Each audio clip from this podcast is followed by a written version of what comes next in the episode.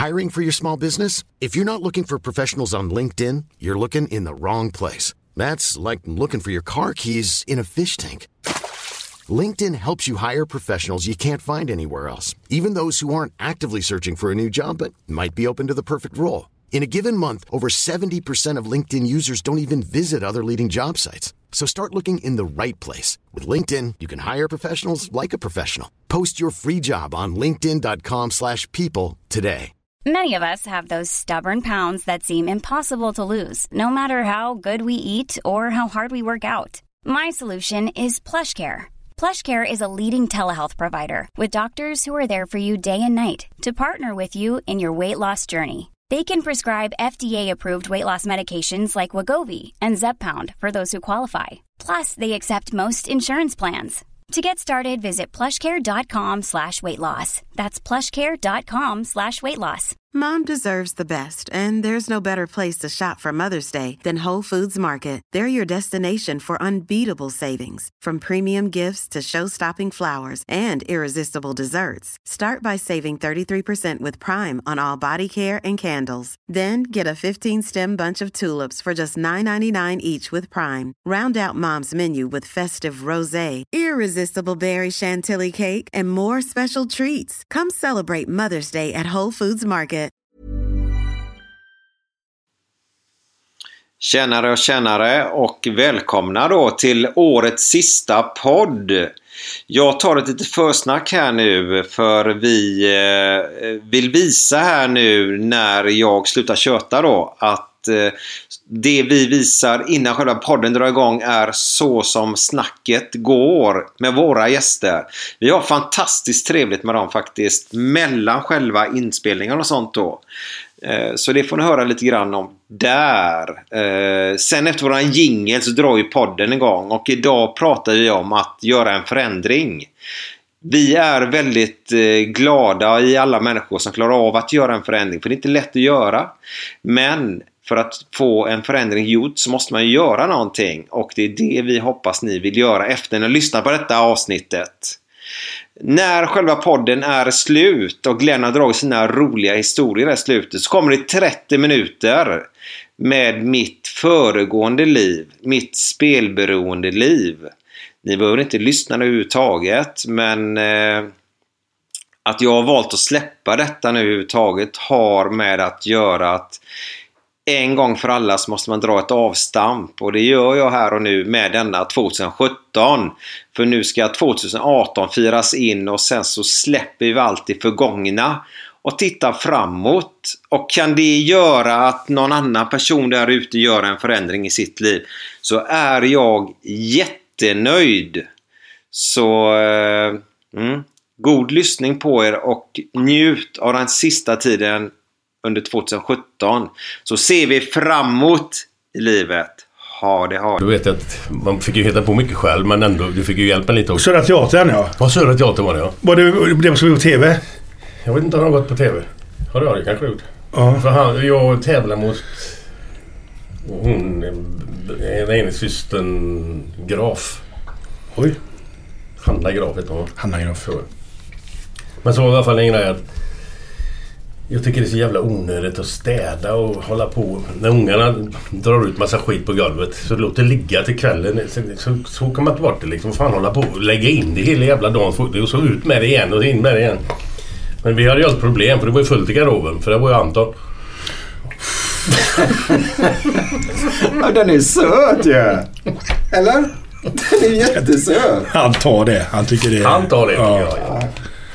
Ja, Men han är väl för fan den enda som har kommit ut i fotbollsvärlden. Är han inte det? Jag trodde det skulle bli... Händer ju ingenting. Inte att det skulle bli hundra som kom Men det ut. kommer ju fan Men ingen. några stycken typ, trodde man ju. Nej, det trodde någonting.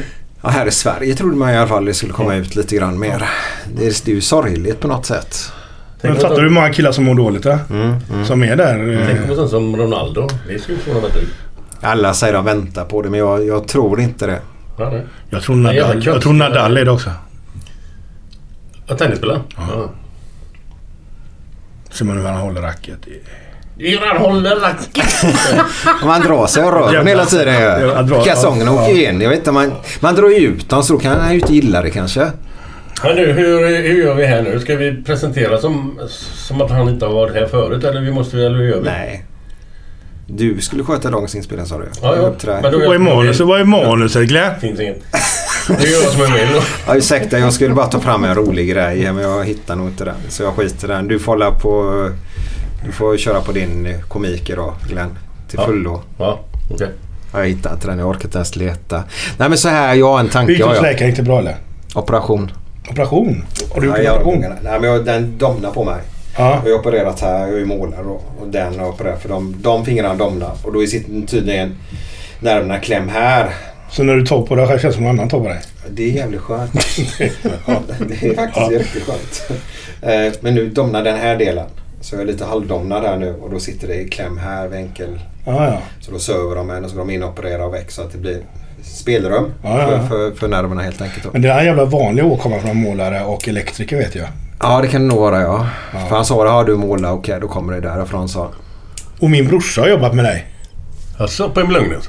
Nej, han har målat samtidigt på ett bygge som du var med med Lundgrens. Var någonstans? 80-talet, fan 81. Ja, jag jobbade där från 70, 77 till 83. Ja, ute i Jonsered. Ja, Jonssons fabrik ja. Ja. Jag var ju för fan i tre ja, år tror jag. Ja, där var han. Dö. Ja.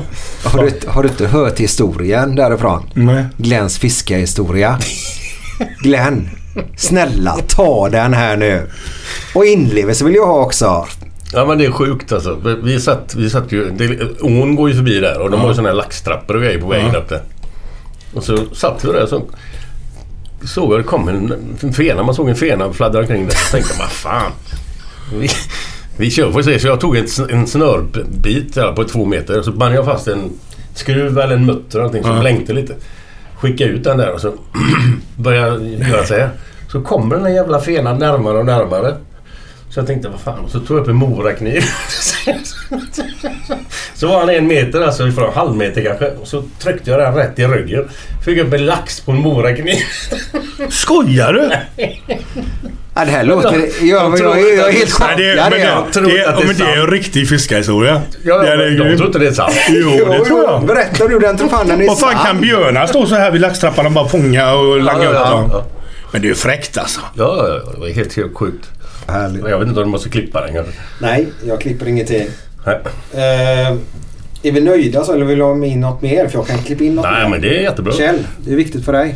Vet du vilket djur som bara är en blygläpp? Ja men den där, vem fan drog den? Musen. Halvgrillad kyckling. Halvgrillad kyckling. de, den är fin också de två blygläpparna de sitter på planet i Ibiza. Ja. Så säger den till den andra Jaha, då syns vi om två veckor. Vet du för likheten mellan Beatles och Lill-Babs slår? Ja, De har inte varit ihop sedan 63.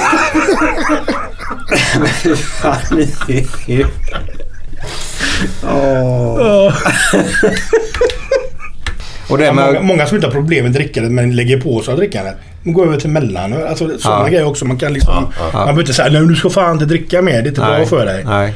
Ja men om det är okej då. Om man klarar av det. Ja. Ja. men jag går upp i vikt. Ja men då kan man skära ner eller dricka andra grejer. Minska på det då bara. Minska, eller- ja, eller- Börja så. Drick inte bara öl. Nej. Fan drick vin också. Ja. Ta en whisky den. Ta en whisky för fan vad som folk. Tequila-snack och lite grejer. Också. Ska vi prata kontokort då? Ja, de, de är fan med tomma kan jag säga dig. Jag har inte räknat med annat när det gäller dig. Nej. ja, fan, jag missade ju igår. Det var så nära. Missade vadå? På spelet. Jag skojar nu alltså. Ja, så ja, ja, jag ja, spelar ja. ju inte. Det är så roligt. Glenn. Jag fick in eh, Liverpool igår. Ja, ja, det var ju så. 5-0. 5-0. Jag hittade som vann. Det var Nej. mycket resultat. Det plingade i min telefon hela tiden. Men då fan vad det plingar. Det var ju de som gjorde mål Men det var ju dåligt. Jag fick bara 900 på det. Det var ju dåligt odds. Det hade blivit gett mer om det blev 2-0 eller 1-0 tror jag. Alltså, För det var ju givet att de skulle vinna med mycket. De Ja, ligger sist. Svånt. Ja, jo men ändå. Eh, jo men det är så roligt för Glenn. När vi var här den 25 skulle checka med världens barn här nere. Vi drack lite öl och käkade gott och kollade Liverpool mot något. Och, Helvete också, vi skulle tippat! Ja men Glenn, jag, jag tippar ju inte. Nej just det ja! jag tror det är 30 gången nu. Ja just det ja! men snart sitter det där. Snart fan vad gott det med där. öl. Men du dricker ju inte. Va, just det. Ja. Fan, ja just det. Jävlar. Ja, ja. Ska du ha en stänkare? Ja. Ja, men jag dricker. Ja just det ja! men det är ju roligt. Jag älskar Ja, det. ja. Nu ska jag bara göra så här. Sen, sen eh, ja, så kör vi bara och så försöker vi hålla munnen hyfsat eh, nära eh, micken bara. Så Mm. låter det alltid bättre. Eh, du är välkommen Glenn. Ja. Oj, jag bara stänga av den här. Jag stänger av ljudet bara. Ja, ja. Har du härliga nivåsättningar och sånt Glenn? ja, det tror jag. Fan vad gött. Jag gillar ju dem. Jag tror att det är en... Lördag nu är det inga problem för dig eller? Jag ska försöka. Men när börjar det? Två. Ja, men två. Ja, Ja, två till... Sen börjar matchen fyra. Så är du slut vid sex. Ja, ja, men då vet jag. Ja, men då kan hennes mormor ställa upp en liten stund. Ja, men det är bra. Det löser vi. Och, och sen får du ta med dig en kompis om du ville. Och vill du inte det så sitter du Och har du ingen kompis kan jag fixa en kompis där. Ja, ja, Du hade en kompis hemma igår ju. ja, ja precis. Satt ni och söp eller? Va? Nej, nej, nej, du dricker inte.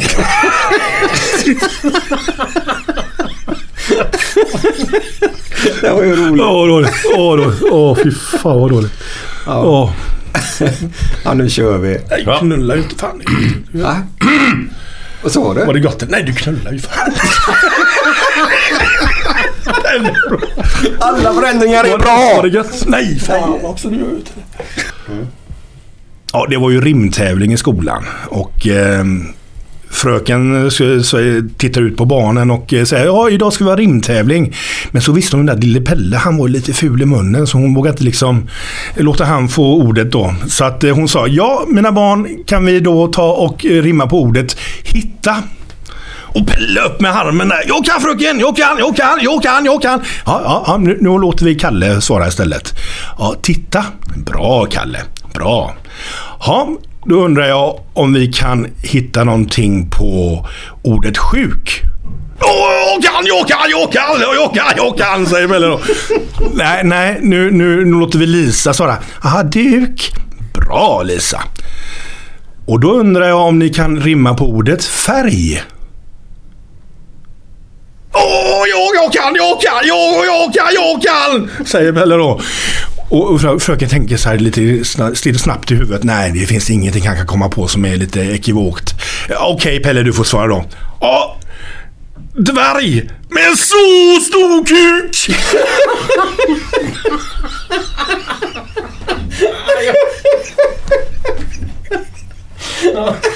Ja, det var, det var det jag tänkte på. Nu är det fredag. Nu är det fredag! Nu är det Götterna. Götterna. Från Göteborg. Med Micke Månaden och Glenn Hysén. Välkomna! Nu är det fredag. Nu är det fredag! Nu är det Götterna. Götterna. Direkt från Göteborg. Med Micke Månaden och Glenn Hysén. Välkomna! Götterna. Ja. Tjena, det var Glenn här. Välkomna till Gött podden Idag har vi en gubbe som heter Kjell Wilhelmsen. Som har varit med en gång tidigare och anledningen till att vi har han igen är det bara att vi fattar fan ingenting senast han var här. Så att vi får ta det igen. Välkommen, välkommen!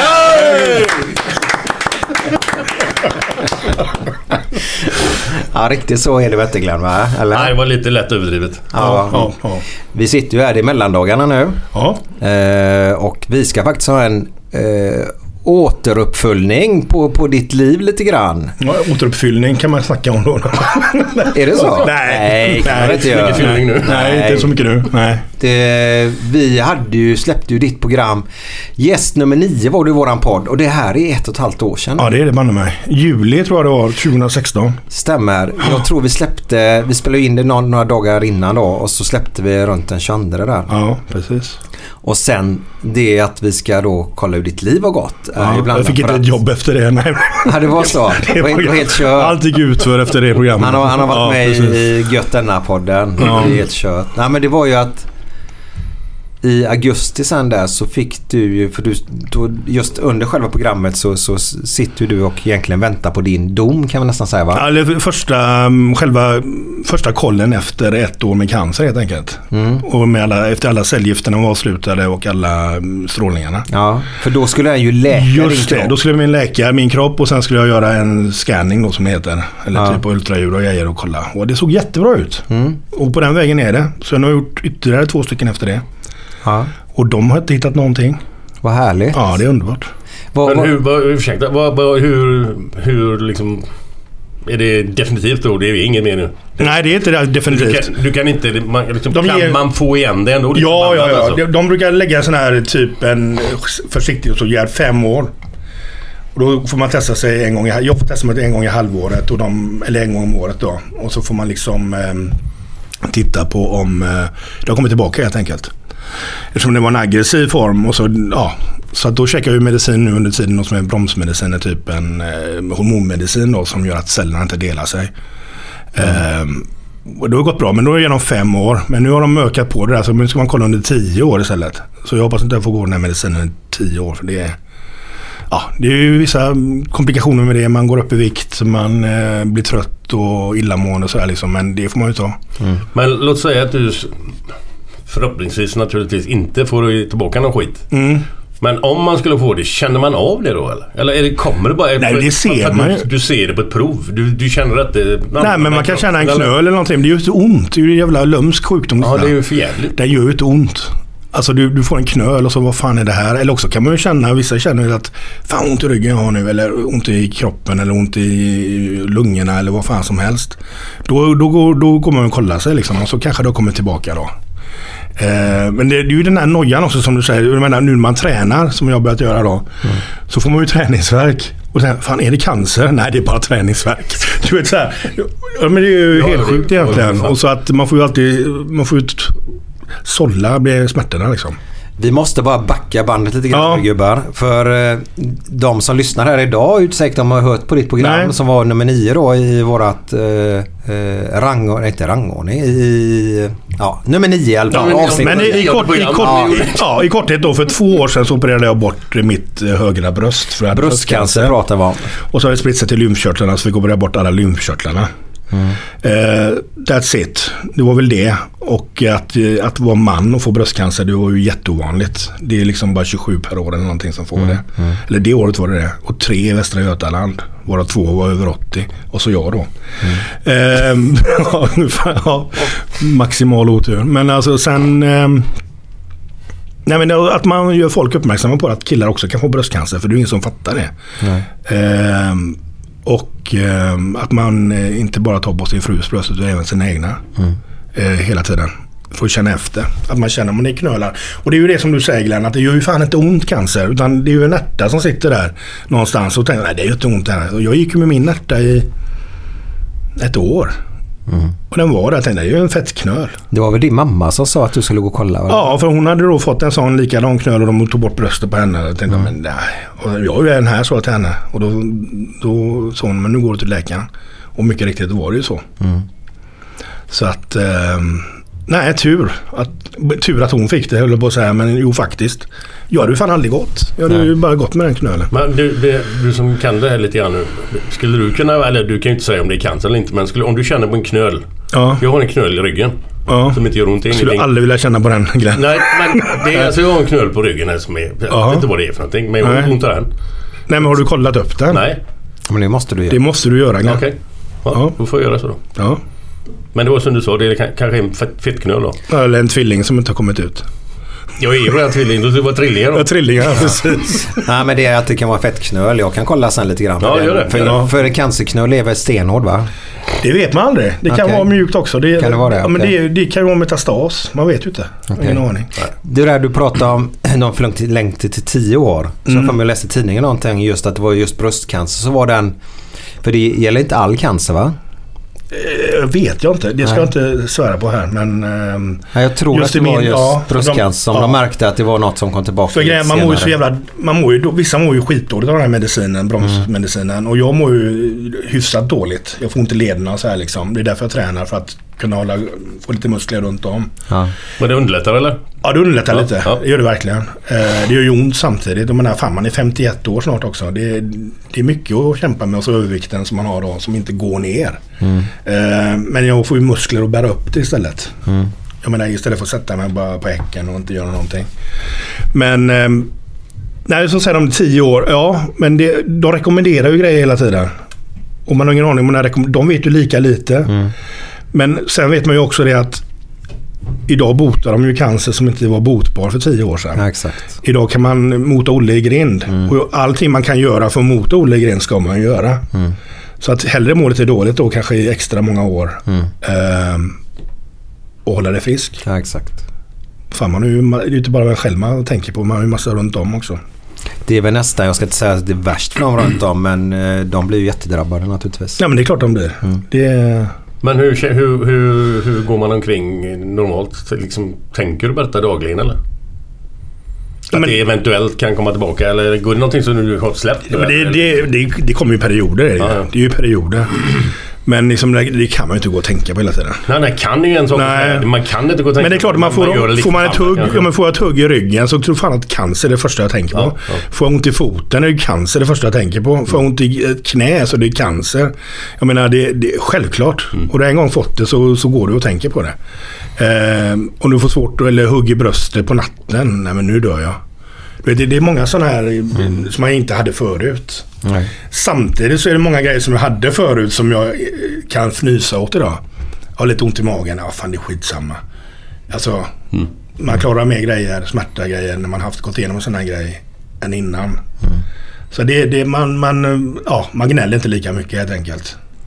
Men jag vet ju Kjell att din dödsångest då som du hade just när du gick och när du hade som värst gjorde ju så att du drog dig ett återfall i alkoholen. Ja, jag fick ett återfall där. Ja, Vi kommer in på det sen. Ja. Vi ska prata om att göra förändringar då Glenn. Yes, boss. Och då pratar vi inte stora förändringar men det kan vara vilken förändring som helst. Vi börjar närma oss nyår, det är dagen innan. Just det!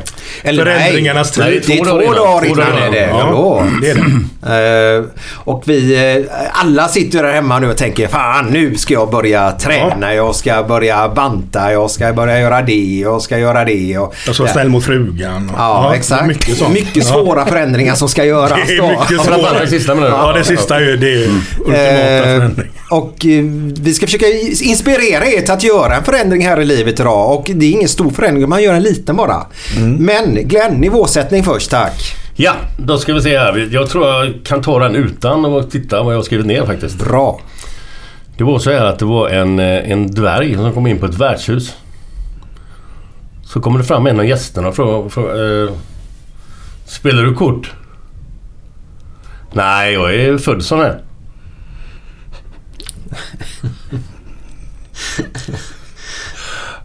Ja. Ja. Du hejar? Ja, ja, ja. Jag har visserligen problem med att säga kott då.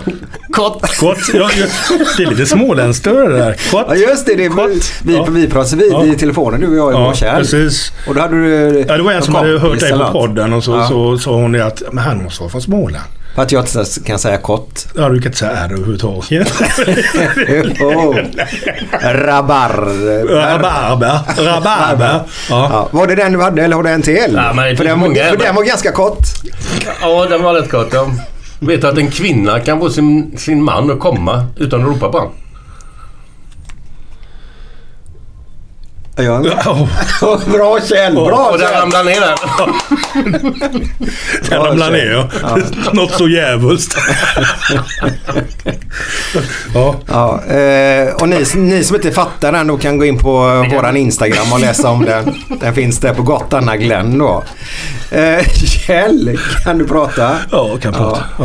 Eh, det blir denna nivån på det hela. Men jag är lite intresserad av, för du sa det att man scannar sig och detta och du gör åt varje halvår när vi kollar dig. Ja.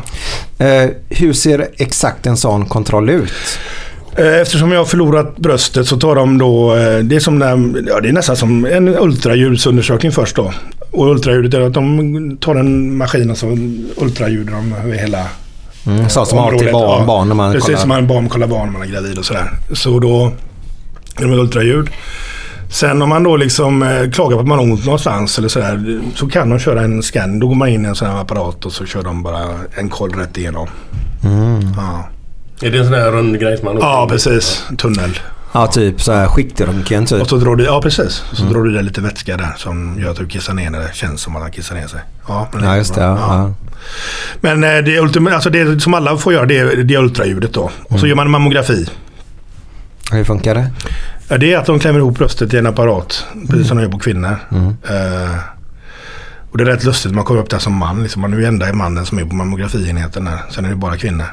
Men det är ingenting som gör ont eller så eller? Ja, de klämmer ju ganska klämmer bra. rätt rejält. Ja, de klämmer rätt rejält. Ja, jag vet kvinnorna har väl sagt det att det, det krävs Ja. rejält där. Men alltså jag menar kvinnors bröst är ju lite känsligare än vad mäns är tror jag. Det är så. Så, så, så funkar det och så, Så funkar det, så kollar de och så skannar de och så får man resultat då Ja. direkt. Stort sett. Ja, vilka, vad heter den medicinen du äter just nu? Eh, Tamoxifen heter den. Ja. Och den är enbart för att hålla... eh, Vad, Enbart för att hålla borta så att celler, eller mot, mota oljegrejen helt enkelt. Ja. Så gott det går. Och sen tamoxifen gjorde att jag fick en blodpropp här för, eh, ja det var efter er. Jag varit hos er. Eh, fick jag i benet. Och då fick jag börja käka eh, blodförtunnande igen. Så det käkade jag två gånger om dagen. Jaha, så du Ja. fick en blodpropp i benet efter... Ja, Okej. Hur känner man det? Det gör fruktansvärt ont. Det är som Ja. att någon kör en kniv rätt in i benet på Det kommer så här bara? Ja, ja. Fy fan. Bara, jag bara vek mig. Bara skrek till. Men så visste jag, jag visste exakt vad det var. Jaha. För jag hade fått en blodpropp i, i, i bröstet och i axeln. Så att då, då blir man rädd. Men då, var, varför får du blodproppar? Det måste ju vara... Det är tamoxifenet som ställer till det. Jaha, är det en biverkning? Ja, det är en biverkning. Kan vara en biverkning. Och då får jag... Alltså det är, så jävla... Det är mycket, jag äter tamoxifen mot att hålla Olle i grind. För, för, och, då. och sen får man för att motverka blodpropparna för, från den medicinen så får jag ta eh, blodförtunnande. Jag mår också illa av det här hela tamoxifenet. Så någon gång i veckan så käkar jag tabletter mot illamåendet. Jaha. Ja, och sen för att min mage ska klara sig då från de här medicinerna så käkar jag Omeprazol som är för att hålla magen i schack. Hur många tabletter käkar du på dagen? Fyra. Ja, det är inte... Ja, Ja, det är fyra. Inte mer. alltså. Nej, men det är fyra Ja, ändå. ja. Men liksom... Ja, det är ju många andra som äter betydligt mer liksom. Mm. Eh, nej, jag är fortfarande inte uppe i, jag menar... Ja, fyra, men, men det är en vanesak. Mm. Det var värre när jag gick på sprutor. Då tog jag ut två sprutor om dagen i ett år. Fan, 900 sprutor på ett år. Var det kortisonet det där då eller? Nej, det var ju mot eh, blodförtunnande också. Okej. Du måste se ut som en jävla sil. Jag är fortfarande blå på magen. Det är jättekonstigt. Man har ju kört... Ja, precis. Okej. Så att... Eh, Men känns, känns det bra för dig? Nu, för jag har ju, jag har ju lite frågor där. mm, Du drabbas av cancer och blir eh, väldigt dålig. Mm. Eh, Får gå på starka mediciner, strålning och detta. mm. Eh, och du var ju med på, som jag sa förra programmet, att du var ju med på det där eh, kvällsöppet var det va? Nej, vad hette det? Eller Där- kväll eller vad det Ja, exakt. Eh, Det där mysprogrammet lite Ja. grann där. Och du var väldigt uppsvälld av detta då. Ja. Och du berättade för mig då i alla fall, du kanske gjorde att du gömde dig lite grann för, för omgivningen. Du tyckte Ja. inte om... Så, Nej, men jag gjorde det innan gjorde jag. Men Ja. sen efter jag hade kommit ut med det i TV, då, Mm. då var det bara positivt att träffa folk. Mm. För det visste alla. ja. Så då var, det, då var jag inte lika rädd för det. Om jag som person vet om en människa som har fått cancer. Mm. Tycker du att jag ska gå fram och prata med den människan? För många tar ju en omväg. Ja, men om du känner människan i fråga, Ja. givetvis ska du göra det. Ja, ja, man känner Eh, människan. Ja, men alltså då får ju den personen själv sätta gränsen. Mm. Eh, nej, idag orkar jag inte prata om det. Eh, ja, vi kan prata om det. Mm. Eller så. Men ställ frågan. Hur är det? Hur mår du? Hade du uppskattat det? Ja, Mm. absolut. Ja, men jag mår bra. Eller jag mår, jag mår för jävligt. Men då ska du också orka lyssna på det. Ja. Om jag mår för jävligt. Ja, för ställer Man du... kan inte vända och gå. Nej, du kan, inte, du kan inte komma. Hur är det då? Nej, jag mår för jävligt. Ja. Såg du Okej. matchen igår? Ja, men det, det Ja. går inte liksom. Det, Många människor gör ju detta Ja, och det det gör så. mig irriterad. För har du ställt frågan får du ta ansvar för din ja, det är fråga klart du också. får. Det är Ja, klart du får. Det är klart du får. Det är... Men ta dig tid och gör det. Mm. Nu ringer jag honom och då vet jag det att det kanske är fem minuter samtal eller det kan vara en timme. Mm. Att man tar sig den tiden liksom. Men jag tror det, ja, det är viktigt. Det är viktigt. Ja. Och sen också, jag menar, säga till de som har cancer att ta kontakt med mig liksom. Som har haft cancer. Också viktigt. Att man pratar med människor som har gått igenom det. Men det måste vara den perfekta människan att prata med. Absolut. Och samtidigt, eftersom jag menar, det gäller ju allting. Sorg eller om det är... Det, du pratar ju lättast med de som själva varit drabbade. Jag menar anhöriga ska träffa andra anhöriga. Hur har ni det? Hur tacklar ni sjukdomen? Eh, har ni det så jävligt? Är det jobbigt för er liksom? Har du samma tankar? Eh, jag menar för jag som är sjuk. Jag som är sjuk. Jag har ju för fan fullt upp med att bli frisk. Mm. Sen jag kan ju inte bry mig om eh, allt som händer runt om mig. Det, det, det har man inte ork till att ta tag i. Och då måste de få hjälp också. Det är jätteviktigt att familjen mår bra. Det är jätteviktigt att barnen fattar om vad, vad som händer. Blir inte oftast familjen glömd om man säger det hela? Deras sorg i det hela? Ja, men du är inte död för att du får cancer idag. Nej. Förr var det så, men det är inte så längre. Men det är fortfarande... Jag tänker ju så nästan direkt. Fy fan, nu går det åt helvete. Ja, Alltså det är ju första tanken man får. ja det är första tanken. Det får ju alla som får Även om besked. statistiskt sett nu ja, är det ja. hundra gånger bättre än vad det var för Ja, ja, 20 ja. år sedan. Liksom. Men det är ju alltid den här procenten Ja. som kan gå åt helvete. Och den finns ju där. Finns, att- finns det hjälp uppe på... Om, om man nu sitter Ja, där hemma och lyssnar på detta Ja. nu och, och känner att nej, fan, jag behöver någon att prata med. Det finns hjälp att få på Vart vänder sjukhusen. man sig då? Om du är drabbad själv så, så brukar läkaren, då kan du få kontakt med kuratorer. Du kan få kontakt med psykologer. Eh, Alla, men det är olika från kommun till kommun. Men om du är utanför Göteborgs kommun så är det helt annorlunda. Vi bor, turen att bo, jag hade turen att bo Alltså Sahlgrenska sjukhuset är ju världsledande inom cancerforskning. Eh, samtidigt som det finns ett sjukhus eller två i Stockholm som är världsledande. Liksom. Men sen fan om du bor i Målilla vad får du för hjälp där liksom? Det är ju, det är ju en AT-läkare där. Ja, du har någonting. Ja. Nej, du får åka ner till Göteborg och så får du ta det ända ner till Göteborg och så får du behandling där. Men sen så är det ju fortfarande de pengarna från Målilla som ska betala detta. De har inte samma resurser. Eh, och det, det är liksom det, det, cancervården eh, i vissa kommuner är under all kritik fortfarande. Det här gör mig ledsen faktiskt. Ja, Att- men det är det. Att inte det, vi det nej, men det ha- är, förut var det staten som gick in i hela Sverige. Men nu är det allting decentraliserat. Så att det är varje kommun och varje landsting som, som står för sina grejer så att säga. Som står för sina grejer. Ehm, vilket är synd. Vad fan, jag tycker att ehm, vissa sjukdomar skulle man kunna bara ge mycket pengar som helst till. Ja, jag blev... För det hjälper.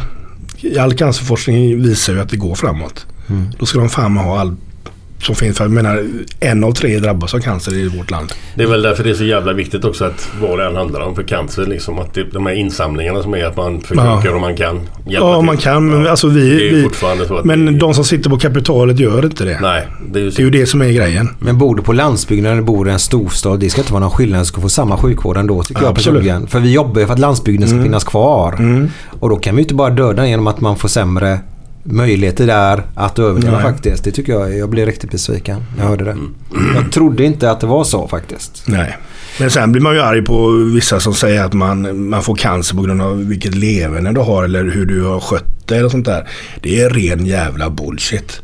Eh, cancer är ett lotteri. Det får man. Det är en slump som gör det. Sen finns det, bara, det finns väl vissa cancertyper som är mer typ rökning. Har de väl? eller? Rökning är inte bra. Nej. Men det är inget som, alltså du kan få lungcancer av rökning. Visst, men eh, få lungcancer kan du få utan att du röker. Mm. Jag menar det är också ett lotteri. Men jag menar som min läkare rökning är aldrig bra. För jag menar min läkare sa så här att Ja, du hade så pass svår cancer och du var så pass nedgången och du hade, fick en blodförgiftning där dessutom fick jag. Hade jag varit rökare så hade jag varit död idag. Det är så. Ja, jag hade inte klarat det. Eh, så tack vare att jag inte rökte så klarade jag mig. Från den här persen. Kroppen klarade det alltså. Och lungorna var så pass starka. Så att eh, de klarade av blodförgiftningar. Eh, är du storrökare har du 50% mindre chans att klara sådana grejer. Så rökning är fan inte bra om du blir, om du blir sjuk. Eh, rökning när du är frisk, det är skitsamma. Men om du blir sjuk så ska du inte vara rökare. Det är inga bra odds.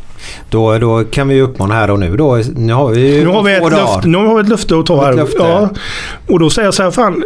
Om det är svårt att lägga av och röka på tvärt eller gå cold turkey. Det är ju skitsvårt. Men jag har en kollega på jobbet. Han började för ett halvår sedan. Då rökte han ett paket. Han rökte som mest ett och ett halvt paket. Sen i somras. Bara om dagen? Ja. Mm. Så gick han ner till ett paket.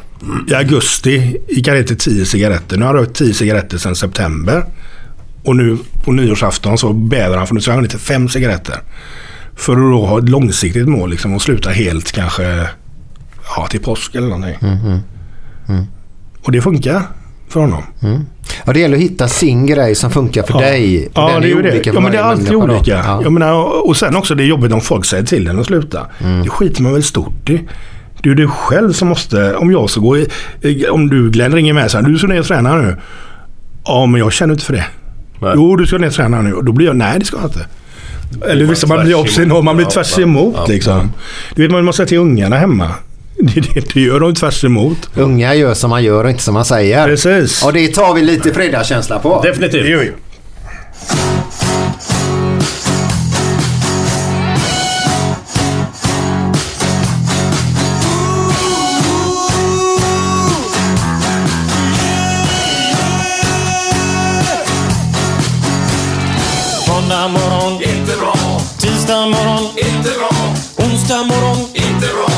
Torsdag morgon, det är inte bra, fredag morgon, lite bra, fredag lunch, mycket bra. fredag eftermiddag. Underbart!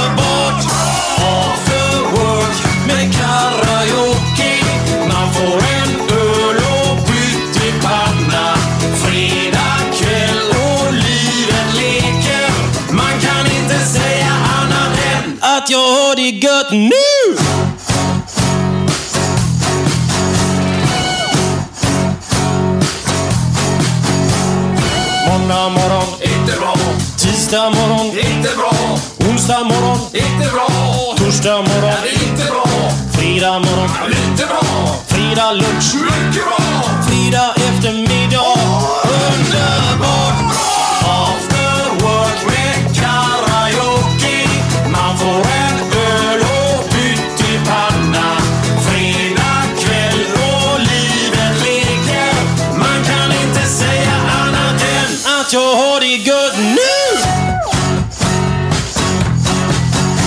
Ja, där hade vi Björn Rosenström. After Work. Kanonlåt som vanligt. Den kan vi inte missa. Nu har vi ju lite kaffe och pepparkakor. Har jag pepparkakor i alla fall. Glenn, du kör någon sån här konstig Ja, det är någon sån aloe vera. Ja, det är något gött med bubblor i. Eller någon sån där. Och Kjell, du kör ju... eh, Kaffe med mjölk. Kaffe med mjölk ja. Jajamän.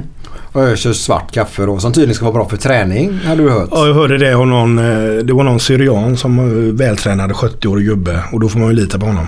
Ja, så är det. De kan, de Ja, kan, 70 år och från Syrien ja, så... de kan de kaffe och de kan träna. Ja, Ja. Ja, så är det. så enkelt är det. Då är i alla fall...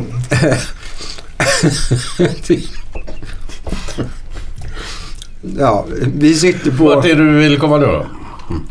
Jag vill inte komma någonstans överhuvudtaget. Vi, vi sitter på Improve gör vi. Ja. På, där. gymmet. Du har börjat träna Kjell också. Ja, precis. Som du sa. Och vad jag hörde rykten om här nu. Nu måste du förtydliga detta för mig. Men eh, din eh, kompis då Erik Eriksson som Ja. också vi har haft med i podden här. Ja. Också är skådis då. Eh, ni två tränar ju här. Men ni hade någon vadslagning innan. Ja, vi hade Stämmer val- det? Ja, det stämmer. Alltså, han vill ju förändra sitt leverne. Så att säga, liksom, han, eh, han älskar ju god mat och han älskar god dryck. Framförallt. Och lite väl mycket god dryck. sådär, liksom. Det kanske blev ett glas vin istället för på för helgen. kanske blev ett varje kväll när han kom hem från jobbet. Så Ja. Och jag eh, satt ju hemma och tittade på film och rörde mig inte liksom, och slickade mina cancersår så att säga. Eh, och då tänkte jag, fan vi gör en deal. Och så sa jag, ja, vad, vad krävs för att du ska börja träna? Sa han till mig då. Eh, det som krävs är att, att du bara dricker på helgen. Och då menar du? Nej men du, du dricker bara på helgen och så, så tränar jag. Men först ska du vara nykter i en månad. En månad. En månad, helt vit. Ja. Helt vit en månad. Ja, två månader tror jag det var till och med fram till premiären han skulle ha. Ja. Ja, är det det som krävs? Ja, det är det som krävs för att jag ska komma börja träna. Vilken premiär var det? Eh, det var på Karl Gerhard. Ja, det var det. Mm. Det var vi hade ju den Thomas von Brömsen nu senare. Ja, och Erik Eriksson är ju hans älskare då tydligen. Precis, den här, eh, precis. Ja, de är, de är lovers där ja. Mm. Ehm, ja, men då, då kör vi på det sa han. Mm. Och han höll sig ju och då tränade jag. Och så var det så. Så du började när premiären var runt i början på november? Nej, jag, började, jag, började, jag körde väl ja, november, eh, början på november ja. Oktober någonting. Mm. September, oktober började vi träna sådär. Ja. Häftigt. Men hur, hur känner du nu efter ett tags träning? Eh, Först började vi en gång i veckan. Ja. Och då, och, kopiöst jobbigt. Eh, jättejobbigt. För jag menar, jag har med cellgiften och allting som börjar på noll. Kroppen är på noll. Men nu, fan, idag tränar jag liksom, man, man alltså bara stå på den här eh, eh, crosstrainern liksom. Det var ju jättejobbigt första fem minuterna. Man fick det var ju som att klättra upp för Mount Everest liksom. Naken, utan syrgas. Och sen då så... Inget annat. Ja, precis. Och nu, nu är det som att eh, simma 50 meter i bassängen med varmt vatten i, i Thailand. Ja, det är jätteskillnad. Ja, det är så. Ja, det är så. Det, det, det är det som är häftigt. Och om man inte stressar. Jag menar, jag har lagt ner det där att jag ska gå ner i vikt. För det är ju tack vare medicinen. Jag får bara glömma det liksom. Men jag märker ju att, eh, som jag sa till dig Glenn idag, att jag får ett snäpp in på, skärpet på byxorna. Det är Bra. ju en seger. Ja, ja. Det bara, Ja, bara det är ju en ja, seger. ja. Liksom. Då, man märker att midjemåttet minskar ju. Eh, och det är ju jätteskönt. Men sen känner du väl också att, det, att du har Alltså, istället för... Jag menar muskler väger ju mer än vad fett gör. Ja, ja det gör att, men du, du känner väl att du är starkare i kroppen? Starkare i kroppen och framförallt är jag piggare. Ja. Bara det. Att man är piggare och hjärnan hänger ju med. Att man är gott trött när man kommer hem istället för att vara trött på, på grund av att man inte har gjort något eller att man är... Ja. Den tröttheten är hemsk. Den här slöhet. Slöhetströttheten, ja precis. Folk tror att man blir piggare för att man ligger och vilar. Ja. Det blir man ju inte. Men du måste ju få en jävla kick av just det du sa att Nu kan jag dra in bältet en, en det är klart man får- till. Du ja, det är måste få klart. en kick upp i huvudet också. Ja, ja, ja. Självförtroende-kick så in i helvete. Absolut. Att man gör någonting som är rätt. Någonting, att någonting är rätt, ja, Ja. precis. Och jag menar liksom... Om jag... eh, Fan nu liksom... Innan fick man ju ångest när man käkade fet mat över jul sådär. Nu... Fan, skitsamma. Jag ska ändå gå och träna på torsdag Ja, ja. liksom. Då kan Jag tror- man, liksom, ja, man, man får en... eh, Vad ska man säga? Det är, inte lika, det är inte lika jävligt nu då Nej. att äta om du gör någonting ändå. för Nej, du nej, nej. nej. lite ändå. Ja, du liksom förbränner. Ja, precis.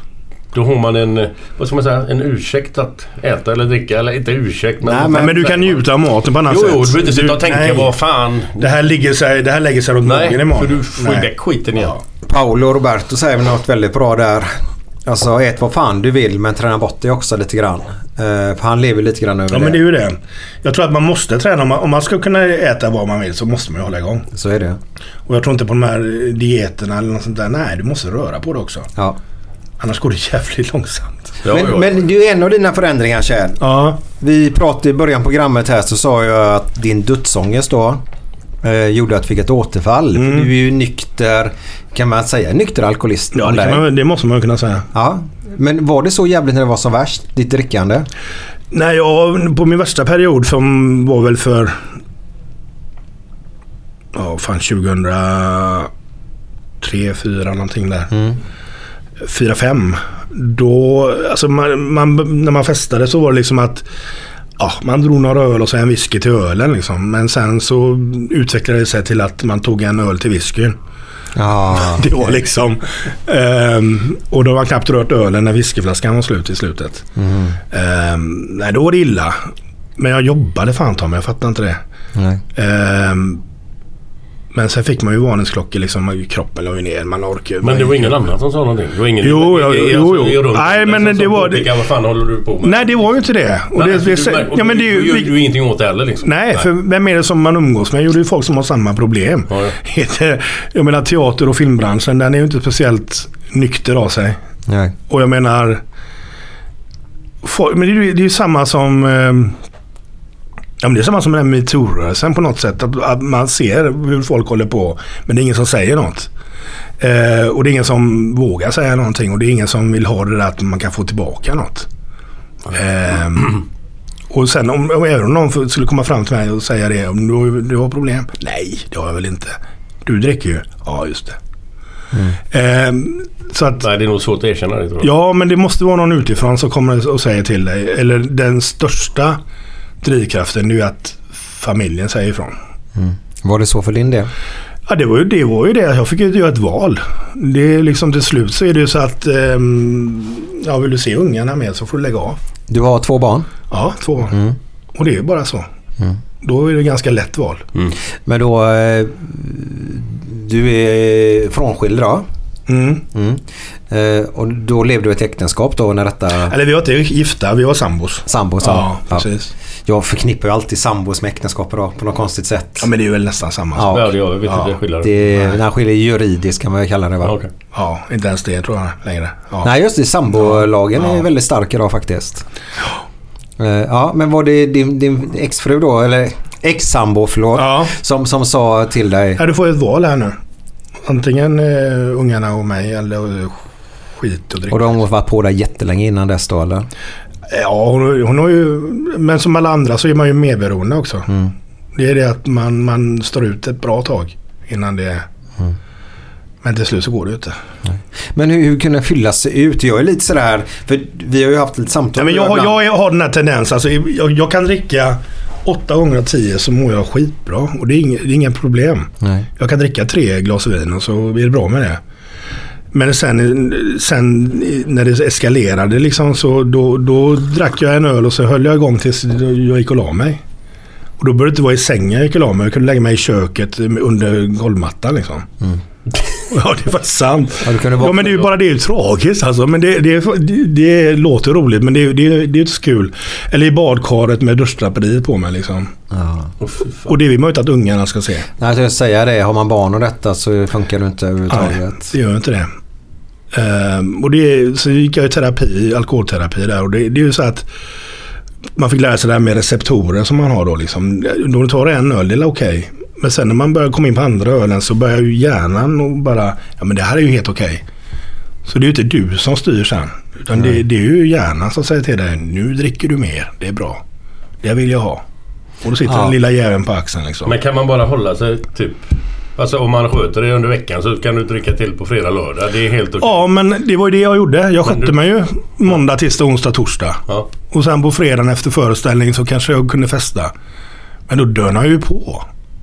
Det tog ingen slut liksom. Utan det, och sen så när jag vaknade på morgonen på lördag så tog jag en återställare. Om jag var ledig på fredag, lördag kväll.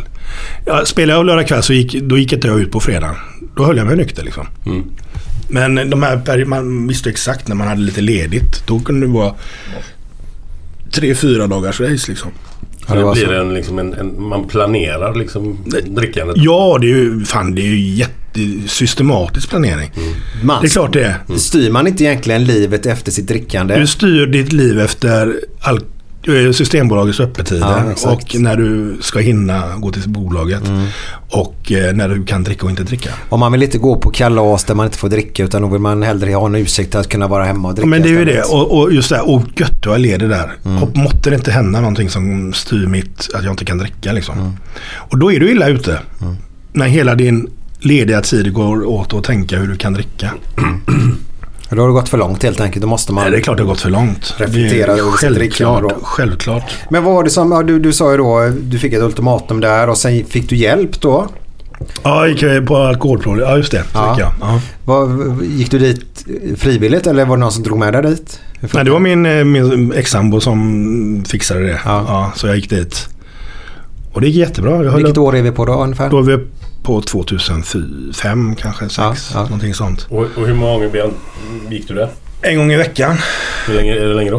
Eh, två års tid ungefär. Eh, tror jag det var. Hur jobbar de? De jobbar med att eh, du ska inte sluta dricka utan du får lära dig att styra ditt drickande. Det var det som var nackdelen. För då tror man ju att det är okej. Och det, det resulterade i att jag eh, höll upp hela året. Och så tog jag mig en fylla i Berlin varje sommar. Åkte du dit själv? Ja, Ja. utan barn, utan fru. Mm. Stack jag dit. Eh, festade ganska bra, tre, fyra dygn. Eh, och då åker de upp till Fjällbacka och då passar jag på att fortsätta hemma. Och sen så lägger jag av direkt. Och det funkade. Lite perioder över det då? Ja, perioder. Men så stoppade jag. Och var inte sugen, inget sug, ingenting. Under hela året. Eh, och det gick bra. Det ser man ibland om man är på Mallorca eller någonting. Så kan man se en ensam man eller kvinna eh, ta in på ett hotellrum. Och knappt lämna hotellrummet och bara gå ner och hämtar sprit Ja, helt enkelt. Ja. Och så upp på hotellrummet. För då tar de sig sin period då, en eller två veckor där. Jag vet en snubbe som åker ner till Thailand varje år. Mm. Har en två veckors period. Mm. Då, eh, då har han en tjej där nere. Som han betalar. Som går och handlar spriten åt honom. Och häller upp exakt mängden till honom. Mm. För han har ingen koll på det när han är sketfull. Eh, så är han full i två veckor. Sen är han nykter i 50 veckor om året. Och då ser hon till att inte han går ut på pubbarna. Mm. Och ser till att inte han går utanför hotellrummet. Utan håller sig där och dricker där.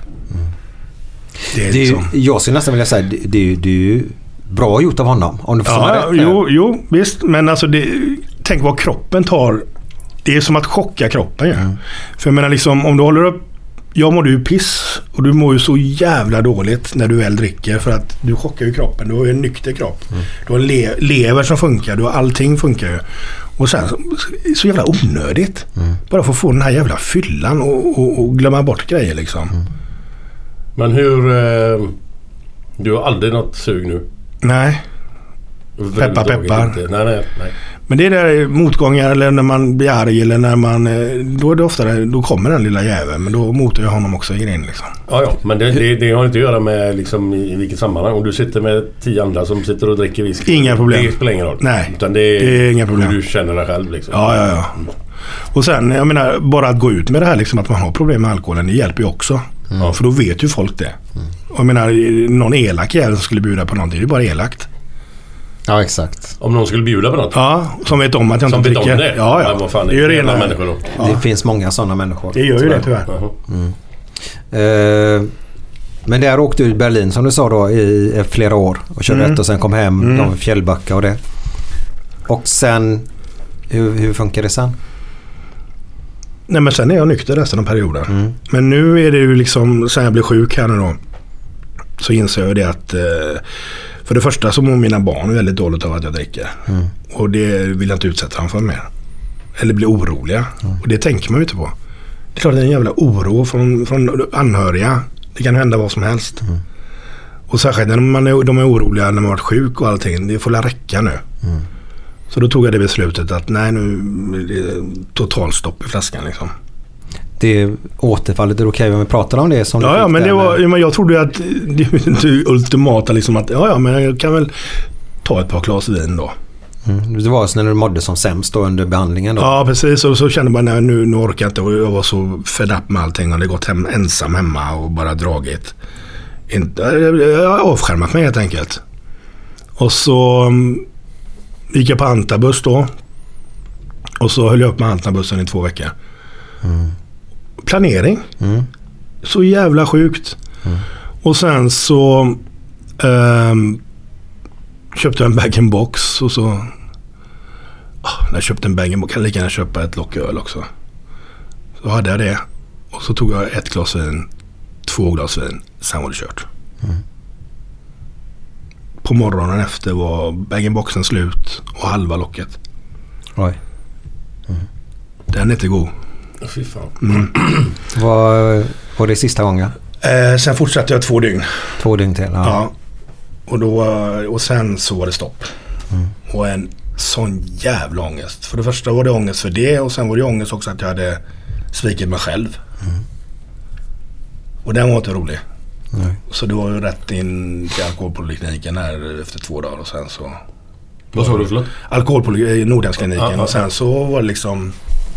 La du in det där då eller? Vad? Nej, jag, jag, jag bara körde igång en ny antabusomgång liksom. Ah, okej.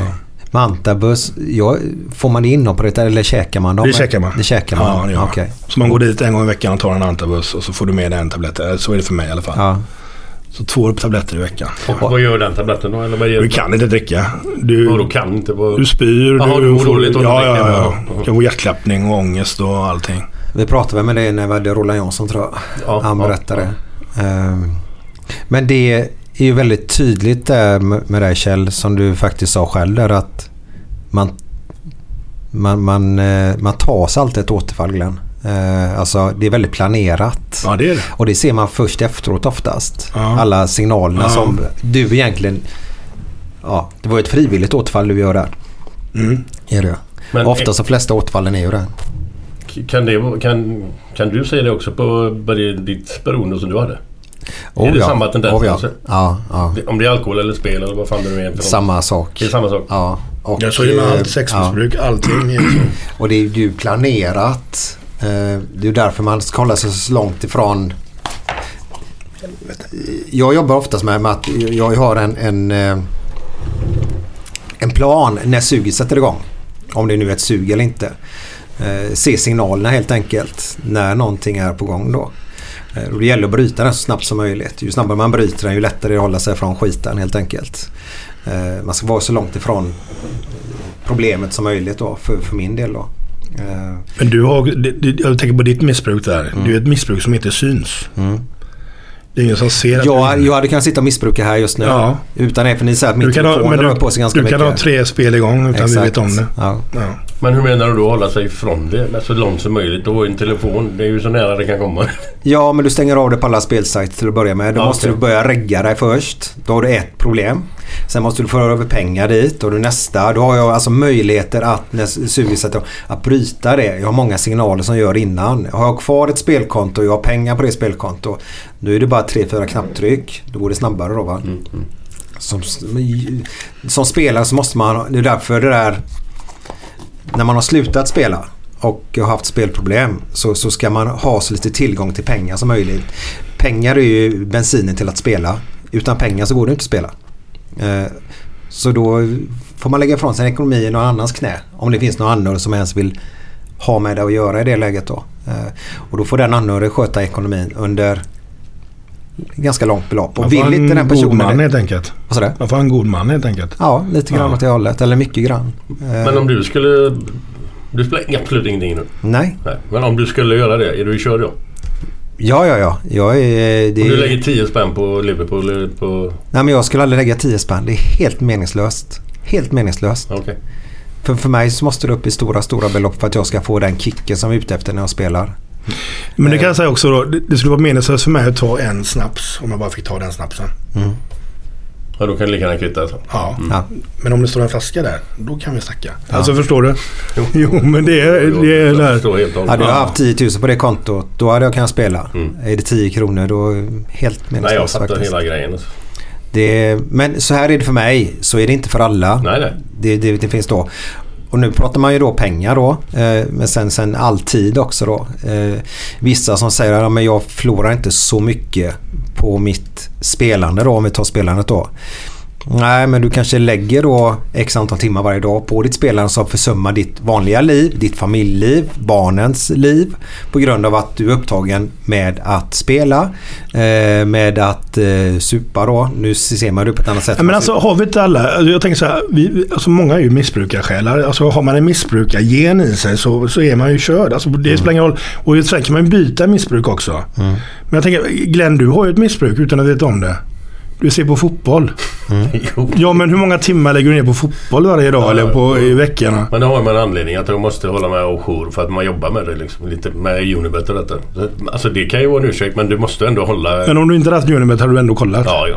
Man Ja. gillar ju det. Ja, precis. Ja, ja, ja. Ja men det är ju det. Och, men funkar livet bra med alltihopa? Att, att inte det Ja. vanliga livet blir förstört på grund av det man håller på med. Nej. Då är det ju inga problem. Nej. Om jag dricker och det inte förstör mitt liv någonting. Alltså jag gör det med måtta. Om jag spelar, jättekul, gör det. Om jag tränar med måtta. För det finns ju, om vi tar den golfarna i början. Mm.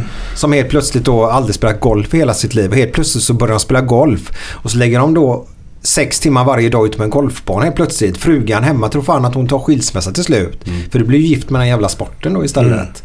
Så allting med måtta, att det andra livet funkar så är det, så är det ju bra då va. Men när du spelar, var, det, var du uppe på nätterna och på också? Eh, ja, det fanns ju... När jag spelade, vi, vi snackar ju 90-tal och eh, eh, fram till 00-talet där då. Eh, då. Då fanns ju inte nät... Det hade precis kommit nätspelare gjort. Unibet tror jag startade typ 98, 97, 98 eller något sånt där. Fanns lite andra. Men, men då var det ju svartklubbar på nätterna då. Och sen så spelar man... Jag hade ju spelbutik också. Det är ju smart. Det är intelligent. Det är som att jag skulle starta pub. Men den startade jag ju enbart för att komma åt ett spelande. Så även det var ju planerat fast att det blev som det blev var ju inte planerat. Eh, Men jag ser ju efteråt att även där var ju en planering för att kunna spela ändå mera då va. Så allting man gör när man är inne i ett missbruk är oftast planerat. Man säger bara det bara blev så. Nej, gå tillbaka. Kolla vad som hände och så ser du att det är så jävla planerat på något sätt. Ehm, och sen så är det ju en flykt oftast. Måste vi vara... du kan eh, fly in i den världen. Det är ganska skönt när du är där inne så tänker du inte på van, vanliga liv. Då är du där inne bara helt enkelt. Eh, dricker du så det, lever du i din lilla bubbla just då. Men jag har märkt också mer och mer att man förknippar platser med sitt missbruk också. Mm. Det är rätt, alltså jag menar Landvetter flygplats, Kastrups flygplats. Det är förknippat med ditt missbruk på något sätt. Mm. När man sitter på flygplan, vad gör man där? Man dricker en öl, man tar en whisky innan man flyger. Ja, det gör man ju klockan är fyra på morgonen. Ja, det spelar ingen roll. Nej, det spelar ingen roll. Eller om jag åker till Berlin, liksom. nu vet jag också det. Det är förknippat med alkohol för mig. Liksom. Det är ju farliga platser för mig. Alltså man vet om det, vad man inte ska röra sig så att säga. Ja men det är också det att hålla sig från vissa, Ja. vissa situationer helt enkelt. Ja, man, man, man ska undgå det. Undvika det. Och menar de på jobbet där. Fan, du hänger ju aldrig med ut längre. Du är aldrig ute sådär. Nej, men det är inte så kul. Det är kul fram till tio liksom. Men sen är ju folk hjärndöda. Ja. Det är ju så. Och där har man ju själv varit. Man var ju mest hjärndöda personen efter elva liksom. Vad fan ska man hålla sig från sprit och sånt på flygplatser? Där får man åka för fan till Svalbard eller något. Det hjälper inte. De Det har nog där de också. håller där uppe också. Ja. Ännu värre tror jag. Ja, exakt. Vad fan ska de göra där uppe? Det finns inget annat att göra där uppe än att dricka sig på flygplatsen. men det där är ju- måste ju gå jobbigt som helvete tror jag. Ja, men det är också det, både jag och Kjell, vi måste ju lära oss att leva med att så här ser samhället ut idag. Vi kan ju inte förändra samhället utan så här ser samhället Och ut. vi kan inte avskärma oss heller. Vad fan, det blir ju eremiter. Det går ju inte. Eller in i ett kloster. Men, Nej. men sen så är det vissa eh, grejer som triggar en till, till detta. Och det är också då eh, till er där ute då som kanske lever i, i och känner att man vill göra en förändring. Det är att med, med, med tiden så blir det ju bättre. Så är det. Det blir enklare i alla fall med tiden då. Mm.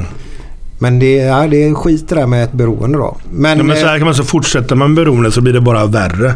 Så kan man väl också säga. mm, Det är ju något som är helt klart. ja, Så allting är ju, en förändring är ju till det bättre. Ja, och fast att om man då... eh, Alltså det, det handlar om att man ska bygga sig ett liv här. Alltså Mm. Från det att man blir liten, liten vuxen då, 18-årsåldern, 20 där. Mm. Då ska man ju bygga sig ett liv och det, den banan ska gå sakta uppåt. Men om du missbrukar någonting så fast att du inte går åt helvete genom både ekonomiskt och att du utsätter mister jobb eller någonting. Men du kommer inte vidare i livet. Du utvecklas inte som människa. Du står stilla och stampar på samma ställe. Skulle jag åka till Frölunda där så kan jag gå till massa gamla polare som man hade där ute då. Spelkompisar då. Och de hänger kvar där ute. De har inte kommit någonstans i sitt liv överhuvudtaget. Och det är nästan mer tragiskt. Det är bara att det är samma människa som står där fast den har blivit mer skrynklig och äldre och gråhårigare. Är enda skillnaden egentligen. Och det är också ett missbruk och du kommer ju ingenstans i livet då. Nej, och det nej. tycker jag är jättesynd. Sen att de personerna mådde jävligt bra när jag... Men sen får man ju säga också, det är många som är nöjda med Alltså jag menar, jag skulle absolut älska att kunna vara den här gubben som kan gå ner till puben och sätta mig, titta på en fotbollsmatch och dra en 3-4 pilsner och sen bra med det. Underbart liv. Och det hade jag. Jag hade det fram till jag var eh, 40 kanske. Och då, alltså jag har haft så mycket roligt med alkohol. Alltså jag menar när jag kunde sköta det. Och den, alltså det, det är sån under... Det, det, ja, det är kul helt enkelt. Ja. Men sen när man märker att man börjar få problem så får man ta tag i det liksom. Och säga nej men fan det här blir för mycket nu liksom. När man vaknar under samma duschdraperi efter istället för... Ja, ju fortare man eh, får den tanken så kan, ju bättre Ja. är det naturligtvis. Eller hur? Eller inser att fan jag har nog lite problem med det här. Nu får jag nog fan ta mig och skärpa mig lite. Och då kanske det inte räcker med fyra vita helger. Utan det kanske räcker med att man behöver hjälp också. Och inse varför dricker Eller jag kanske är allergisk mot alkohol. Jag är allergisk mot alkohol. Jag blir fan... Dricker jag tre dagar så är jag sjuk i sju dagar. Jag tål inte alkohol. Jag blir jävligt dålig liksom. Och det, det hjälper ju till att sluta dricka också givetvis. Mm. Och våga ta hjälp också. Att våga ta hjälp, det är inte skamligt. Fan idag är det inte ett dugg skamligt. Nej. Ja, det är den största folksjukdomen vi har, det är alkoholism. Och nu pratar vi ju då alkoholism och spel här då. Men som du sa där. Ja. Du hade du kunnat gå ner och kolla på en match, ta tre, fyra öl och sen går man hem och så är allting Ja. lugnt. Och jag skulle Det är att ta tre fyra öl och sen gå hem och dricka 30 till. Mm. Det är ju det som är när man... När man Och det är ju få människor, eller få, det, det är en del människor som inte klarar av det helt enkelt. Du, du var en av dem. Mm. Eh, Jag var en av dem som inte klarar av spelandet medan jag nästan mina flesta vänner klarar ju av detta ut, Mm. eh, med galans faktiskt. Men eh, vissa människor klarar inte av det, så enkelt är det. Ja, men det var ju, alltså jag kommer ihåg när jag spelade Black Jack en gång. Mm. Och så hade jag startat på 100 spänn på Black Jacken. Så vann jag 400 spänn på Black Jacken. Och då la jag av. Och de bara, vad fan gör du? Mm. Nej, men du är the roll nu. Men jag har vunnit 400 spänn, det är bra med det. Och de bara, är du dum i huvudet? liksom. Ja. Men då gick jag ändå 400 spänn på det. Så, jag är ju inte den, Nej. den missbrukargenen där nej. på mig. Där är ju en jättebra gen som du har då. För Ja. en spelare är ju tvärtom. Har även 400 vill han 800. Ja, alltså, ja, en så är ju girighet. Ja. Man är aldrig nöjd. Det är därför spelbolagen går Ja, så himla ja. bra. För ju mer speltorskar de får in på sin sajt så vet de om att vi kan ge dem 10 000 i bonus. Det är lugnt. Mm. För de 10 000 går tillbaka i bolaget direkt ändå. För man blir aldrig nöjd som spelare. Så du är en Så. djävulens lanthangare. Nej, men det är, det är, nej men det är, därför är det väldigt kul att se folk som faktiskt eh, Vinner pengar. Nej, men vinner 400 kronor Ja. och så går går vidare och så alltså inte gör någon stor grej av det. Men det är väl mycket, jag- men jag mycket kan vill ha mer. Jag kan ju känna ibland att, att man alltså, har en ursäkt. Nu spelar Frölunda då, ska vi gå på Frölunda? Ja, då har man en ursäkt att ta på bira innan. Mm. Idag spelar Liverpool eller Blåvitt eller vad fan det nu är, med landskamp eller vad fan är det för någonting. Men där, är- det, det är ju alltid bira i samband med allt och sånt där. Det kanske inte är så jävla bra. Nej. Men du tränar ju. Jo, jo visst. Ja, Jag det är bra. tränar ju för fan som en dåre. Ja. Men du, du, jag menar... det eskalerar ju inte. Du vaknar ju inte med draperier över dig. Men Nej, du, inte så. du kan ju dricka. Jo men det kan jag känner ju att det kan gå tre dagar om man inte ska göra någonting. Så Ja. Mm. man ju på det i tre dagar. Och då, sen är det inte någonting på två veckor kanske. Men sen så kommer det sån här tre, dagar, tre dagars Ja, period igen. Svensken, alltså svensken och semestern är ju typexempel. Ja. Och det är ju jättemånga ungar som bara nej, nu ska mamma och pappa ha semester liksom. Och då vet de vad det barkar hän. Julen som vi har haft nu liksom, det är ju fruktansvärt för många familjer. Att de är, nej pappa är ledig nu. Nej, då blir det dricken. Det är inte kul alltså. Man, Nej, nej, och det, det är liksom, nej. Men det har kommit upp mer till ytan nu och det tycker jag är bra faktiskt. Mm. Eh, just det där att fast att man dricker och kanske inte då fast eh, vaknar dagen efteråt i, i bakgården med draperiet över sig så, så kan ju barnen uppleva det som väldigt obehag Mm. när vuxna är fulla. Eh, och jag tror Erika Johansson sa det i våran podd faktiskt när hon var 15 där. Väg med friidrotten detta då när eh, ledare Mm. i friidrotten då på kvällen började dricka helt plötsligt. Att hon blev rädd för vuxna till och med. Hon tyckte det var jätteobehagligt. Och det måste man ha med sig också. Att Det är ju inte bara att man ska vakna bakom med draperiet på sig som är det farliga. Utan barnen kan ju faktiskt uppleva en vuxen människa som otäck. Ja, ja, ja. Det är klart. Men där har idrotten ett jävla ansvar. För jag menar, min första kontakt med alkohol det var genom idrotten. Det var på här handbollsresorna och det här. Det, det är första kontakten. Ja, ja, ja. Jag tror de flesta som är födda i vårat Ja. språng där 50, 60, 70-talet. Så var det i, i alkohol eller i idrotten som man kom i kontakt med alkoholen. Jo då. men det är ändå, alltså, jag vill inte försvara det här på något sätt. Men det är ändå så att när, du, när det händer någonting där och man går ut och Ja, då tar man hand om varandra. Så tar du hand om varandra. I, Till skillnad från om någon är ute på stan här. Ja, det är sant. Så är det inte sju, åtta gubbar som hjälper till. Utan hamnar en där ute på en bänk så är det ingen jävel som bryr sig. Nej. Nej. Där är det väl den stora skillnaden tycker Så är jag. Om man nu ska skydda det lite grann. Men Ja, men det måste man också, det måste man också säga. Man, ja, man, är, man är kompis. Och det är ju det liksom. Men det som är bra idag det är att eh, drickandet bland ungdomar går ner eh, enormt. Alltså det, det minskar. Ja, och, Och drogerna det- går upp. Drogerna går upp ja. För idag, det, negativa skulle komma till det. Ja. Negativa är att barn idag är mer liberala mot droger på grund av att det är många vuxna som pratar om att det ska, ja skitsamma. Eh, men det har ju med att folk sitter hemma och spelar mer dataspel och sånt. Mm. Eh, och det är positivt. Eh, men tyvärr då så drogerna kommer ju in istället på ett helt annat sätt. Mm. Det, det, barn idag har lättare att ta ett piller än att ta sig en öl. Kan man säga så? Jag tror att ungdomar idag, det, det, de räknar sin tid kanske inte i bakfylla utan mest vaken tid. De ska hålla sig vakna så mycket som möjligt för att kunna spela, att kunna chatta. De har ju telefonen, sitter ju fan 30 cm framför ögonen på dem hela tiden. Eh, det är det största missbruket de har idag. De ser ju ingenting en meter runt sig. Jag menar, Nej, de har ju bara telefonerna och det är sånt, de får ju creeps om den är borta en, en timme. Ja. Det är liksom... det, nej, det är väl en risk för eh, skador, sjukdomar när det gäller sånt där. Alla, Sjukdomarna är att alltså du... sjukdomar vet jag inte. Nej, men om du sitter- ja, men det är klart, Man måste men- få ont i fingrarna. Nej, inte det. Men, armarna, nej, men, du, eller? men du sitter ju fram, du sitter för fan på din stol och du sitter framför en dataskärm. Sju, åtta timmar och du rör dig inte. Nej. Och du dricker de här dryckerna. Du, du, du, du eh, tar piller eller vad fan du gör för att hålla dig vaken. Liksom. Eller de här energidryckerna som är fruktansvärt jävla gissel idag. Levern tar lika mycket skada av dem som när de dricker alkohol. Liksom. Det är, nej, och då är det ändå inte vuxna människor som är färdigutvecklade. Nej, nej. Det är... mm, Förbjud skiten säger jag. ja, du pratar energidryck nu va? Ja. Det är, det är ett gissel är det. Folk Det pratar ju om 18 års Mm. gräns och hela den biten. Eh, där har vi egentligen mänskligheten skapat ett beroende som, eller Men det är behov så, till syvende och sist är det så att hade alkohol kommit på och uppfunnits idag så hade det varit förbjudet. Totalförbjudet kan Ja. man säga. det. Ja. Finns ingen mer aggressiv eh, vet du det, dryck som du kan dricka eller Nej. vad heter det? Men miss, alltså, Drog. men, Finns ingen mer? våldtäkter, misshandel, slå på varandra, allt våld. Mm. Allt härrör sig till alkoholen. Men du, det här ger mig ångest i alla fall. Ger det dig ångest Glenn? Eller? Ja, så in i helvete.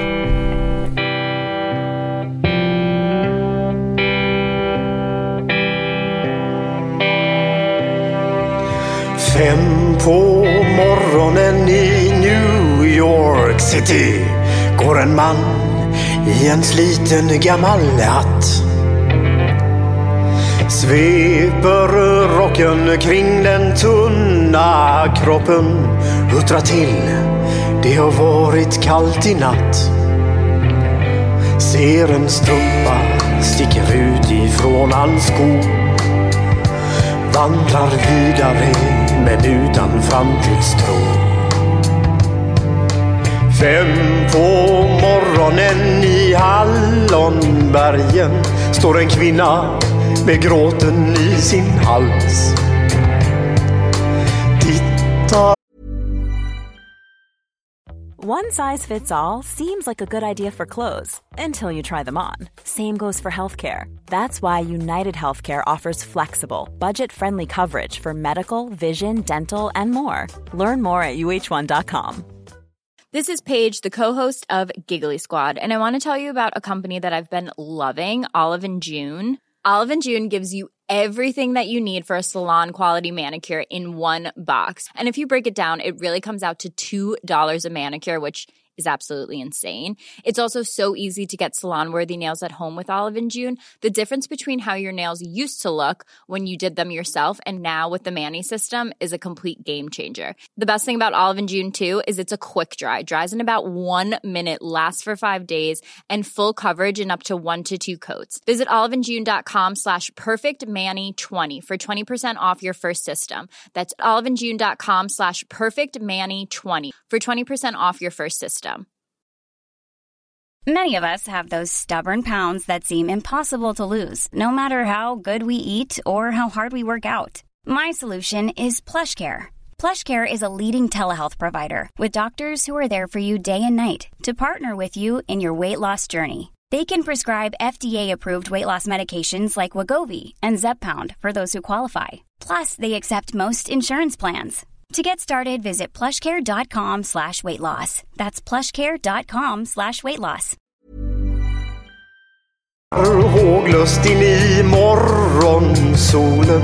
Hon är trött, hon har inte sovit alls. Två av fem miljarder människor på vårt klot. Men mot deras ångest finns det ingen bot.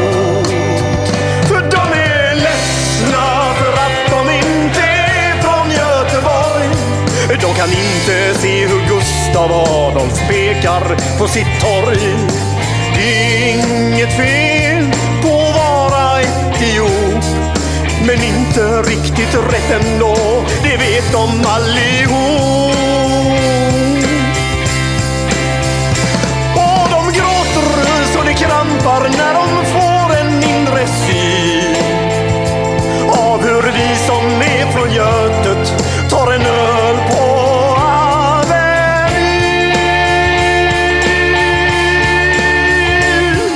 En fotbollskille får sitt genombrott och snackar proffskontakt med fem italienska klubbar. Ändå känner han att tåget har gått. En annan gubbe med en ollontusing och en latextjuva skriker ta mig ur röven gubbar. Men det ger honom inte nåt. Samma tomma blick och tårar salta smak. Om man frågar säger båda samma sak. De är ledsna för att de inte är från Göteborg. De kan inte se polisen dunka buss på Schappans-torg. Det är inget fel på att vara från Mölndalsbro. Men 14 stopp med fyran svider mer än man kan tro. Och de gråter och slår det krampar när de får Av vi som är från Götet, av vi som är från Götet. Ja, där hade vi eh, Jävlar anamma med De är ledsna. Grym i låten som vanligt. Härlig är den Yes, faktiskt. underbar. Är vi ledsna då?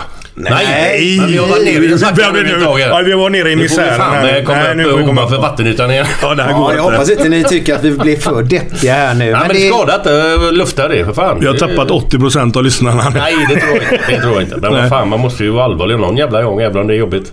Enda 40% som jag är i närheten av nu för tiden. Ja, men det är bra Kjell. Vet du Ja, vad? ja. Jag är alltså imponerad av folk som gör en förändring. Och då Ja. menar inte jag att man ska Man behöver inte sluta dricka, man behöver inte sluta spela, man behöver inte... Och knarka ska man sluta göra, absolut. Eh, Men man behöver inte göra sådana stora förändringar. Men bara du gör en liten förändring i ditt liv som gör att ditt liv blir ett eh, mer Bättre. berikat liv Ja. helt enkelt. Ja, bättre. Och sen vad det än är, det kan vara att du helt plötsligt du går där hemma som småbarnsmorsa och bara känner för fan vad tråkigt det är att laga mat. Alltså, för vi har ju det problemet hemma. Att vi bara lagar samma mat jämt. Ja. Alltså man spyr på det. Så jag skulle göra en förändring här nu till, till eh, år, detta år som kommer nu då, 2018. Det är att jag ska förändra min mat hemma och då menar inte jag några stora förändringar. Jag ska ta in lite nya maträtter bara. Jag är där också. Jag tror de flesta Ja. sitter i det jävla ekorrhjulet och det ska jag göra och det är ingen stor förändring. Det är en liten förändring men det kommer att berika mitt liv. Kommer Mm. det göra. Vad tror du Glenn? Jo men det är väl bra med lite olika kost. Så man inte käkar samma hela tiden. Det är bra att blanda lite. Jo, ja, Alltså, ja, det är det vi, jag menar varför... vi har ju olika kost alltså. Bas, ja. Men vi har Jo, men kört är det, ju- här så länge Jo, nu men det är bara. mycket tack vare att ni har yngre barn och sånt där så blir det ju automatiskt att det blir mycket pasta. Det blir mycket liksom... Ja, men så är det. Så är det. Och det är så jävla underligt. Men Nej. det som jag tycker är lustigt är att man har, man har, man har käkat i flera år med ungarna. Men sen varenda gång man ställer sig inne på ICA-golvet där. Vad fan ska jag köpa nu? Det, är, det, är- det är liksom det är största ångesten. Det är värre än tandläkarbesök nu för tiden. Att man ska gå och handla något. Men det är... Och jag, måste, jag, jag ska skärpa mig med grönsaker för det är jag väldigt dålig på. Eh, få igång det lite grann. Och äta oftare. Ja det är ju man bedrövlig på. Ja.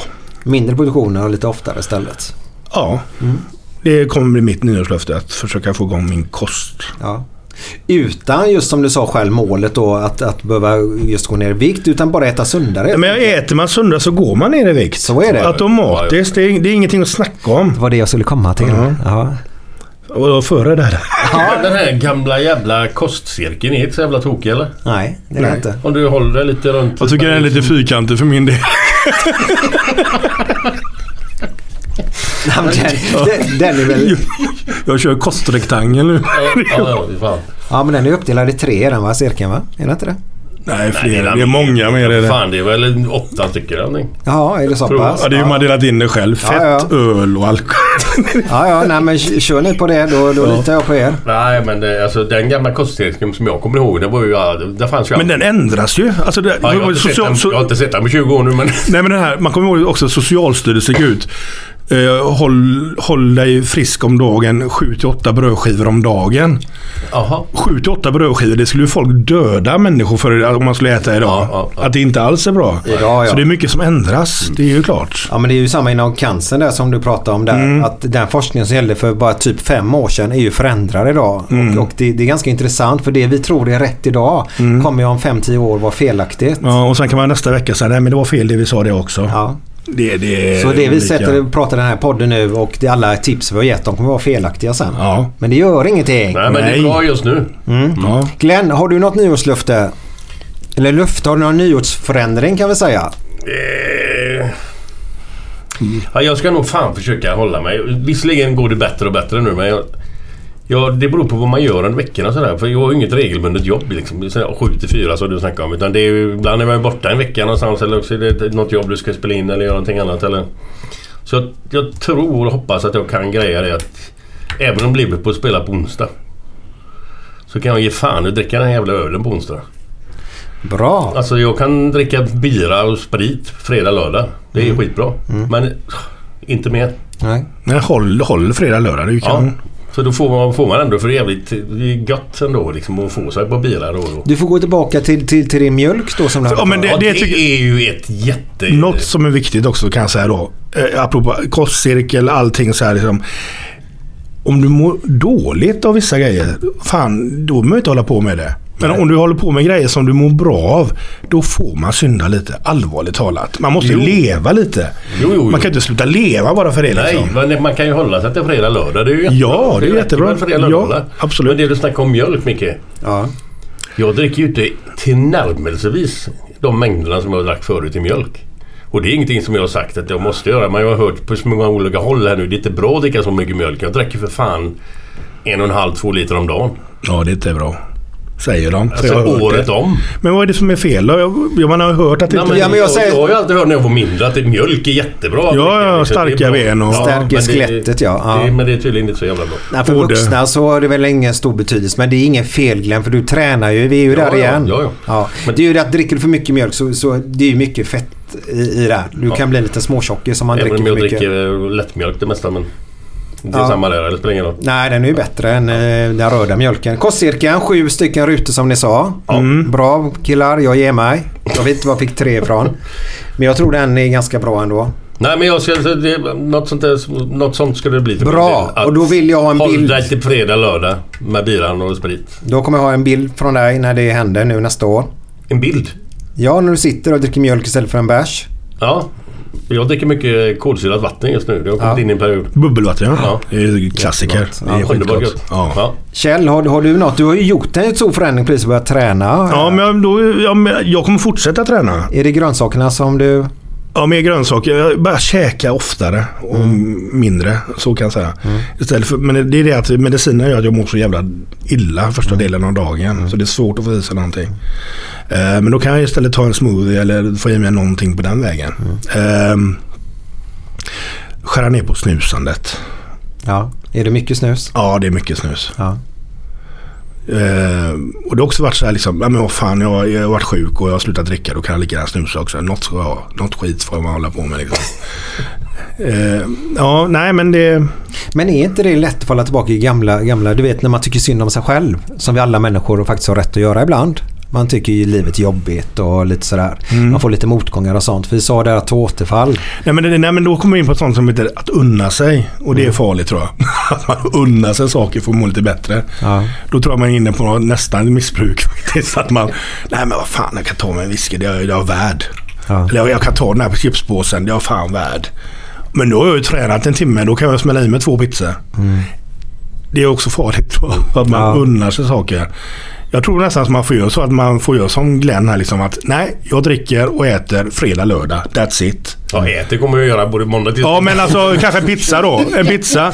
Du kan inte Nej, käka pizza nej, fem dagar i pizza veckan. skiter jag nog för det har aldrig varit lockande. Jag äter pizza någon gång då och då men det är, inte något, det är inget behov jag har. Chips och ostbågar så Nej, är ostbågar. Ja. Det gör ju ingenting nu. Nej. Får jag, det kan man ju få återfall när som helst. Får Det jag en ostbåge så räcker jag in med en Ja. påse. Ja. Precis det du känner där så är det för mitt spelande så är det för Kjells eh, drickande. Mm. Så enkelt är det. Ja. Jag ska då förändra min, min, min mat helt enkelt då. Men det är ju för familjens skull också. Det blir Mm. lite trevligare och det blir lite roligare för oss att laga mat också. En enkel, lätt förändring då. Mm. Så, men vad är ditt råd där ute Glenn nu? Om någon vill göra en förändring, det behöver inte vara någon stor. Jag tror att man måste vara lite... Alltså man, det är svårt att göra allting bara så här. Det var som du sa, att bara lägga av och dricka liksom. Men man får trappa ner. Alltså, det är samma som att träna. När vi började träna i, i februari var det väl va? Då körde inte vi fyra gånger i veckan. Då var det en gång i veckan kanske, två gånger i veckan. Och sen när du kommer över det där och känner fan det funkar ju. Då kan man ju ta tre gånger. Och sen öka på efterhand som att det går rätt in med huvudet rätt in. Och så efter en vecka eller två känner nej fy fan vad jobbigt. För då har man gått in liksom och fått blodsmak i käften. Och, ja, det verkar överallt. Och, så börja långsamt. Ta det lugnt i början. Hetsa inte in i någonting. Nej. Och till er som inte vill förändra någonting med er själva. Man kan göra jävligt mycket för att förändra för andra. Om det är någon kompis som har lite tufft eller någonting. Fan hjälp den personen då. Om det är någon eh, på jobbet som har det tufft. Hjälp den personen. Jag menar, man mår så jävla gott av att hjälpa andra också ibland. Ja, ja, ja, som har problem. Det, det, det, det gör gott. Jag tycker att man ska bli fan... Det ska, att man är fan mer mänsklig. Vara mer kompis. Kolla när folk mår dåligt. Fråga dem. Vi är ju liv, fortfarande livrädda för att prata med varandra. Vi är det. Och jag menar liksom... Och grejen är att fan som vi sa i första programmet som jag gjorde med er.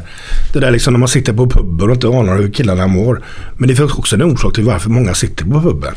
det är ju det. Alltså att, att, att när de kommer hem till sina tomma lägenheter så är det inte så jävla mycket liv de har. Nej, du, du är spik på det alltså. För Ja. Jag vet det var två stycken som... Ni snackade om Paddingtons förut. Mm.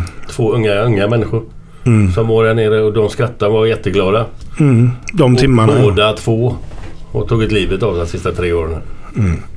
När de kommer hem antagligen ensamma och övergivna och det är ingenting, ingen jävel att prata med och ingenting. Och Det är för jävligt. Mm. Men sånt där tänker man inte på. Nej, man gör inte. Men det kan man inte heller göra. Nej, men det kan inte begära att man ska veta Nej.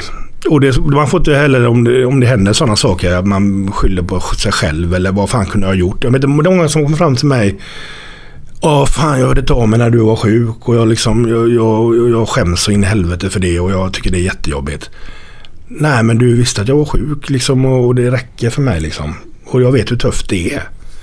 Alla är ju inte Einstein när det gäller känslor liksom. Det, det, det är ju sv- svårt att prata om. Det, det är ju det. Skrattar Glenn gott. Tar du en vers så blir det bra. Du.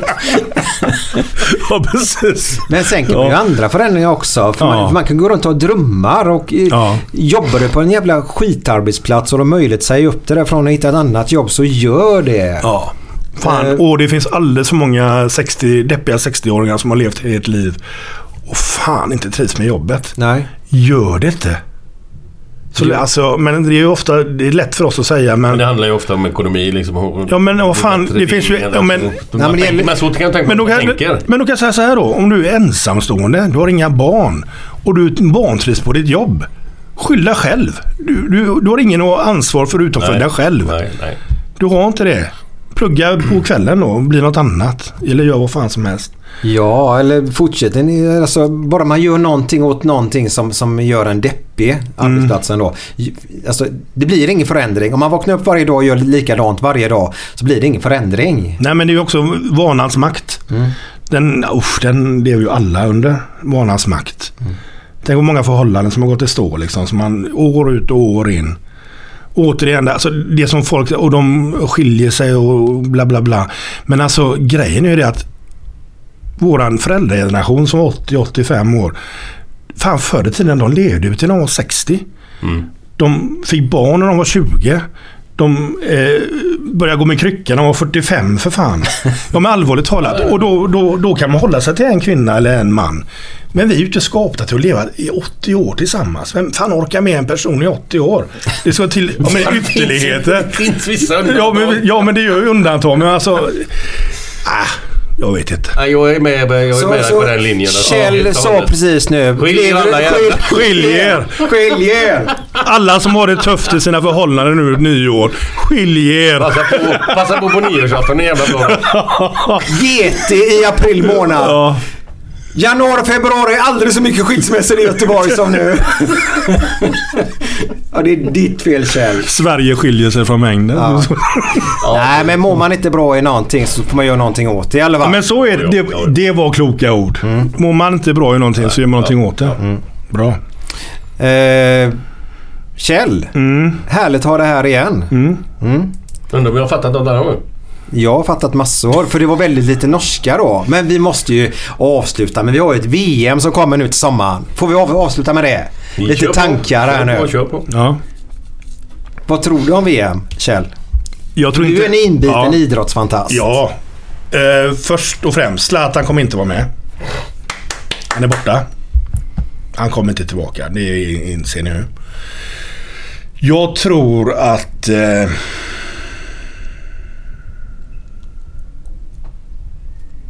Tystnaden är total. jag tror faktiskt att Sverige eh, går till åttondel. De kommer att klara sig från den här gruppen. Jag känner det någonstans. Härligt. Det här är ett lag vi kan bygga på. Jag tror verkligen det. Det känns som att eh, alltså, de har ju ingen press på sig. Nej. Sverige har ingen press på sig att de måste gå vidare i det här VM-slutspelet. Nej.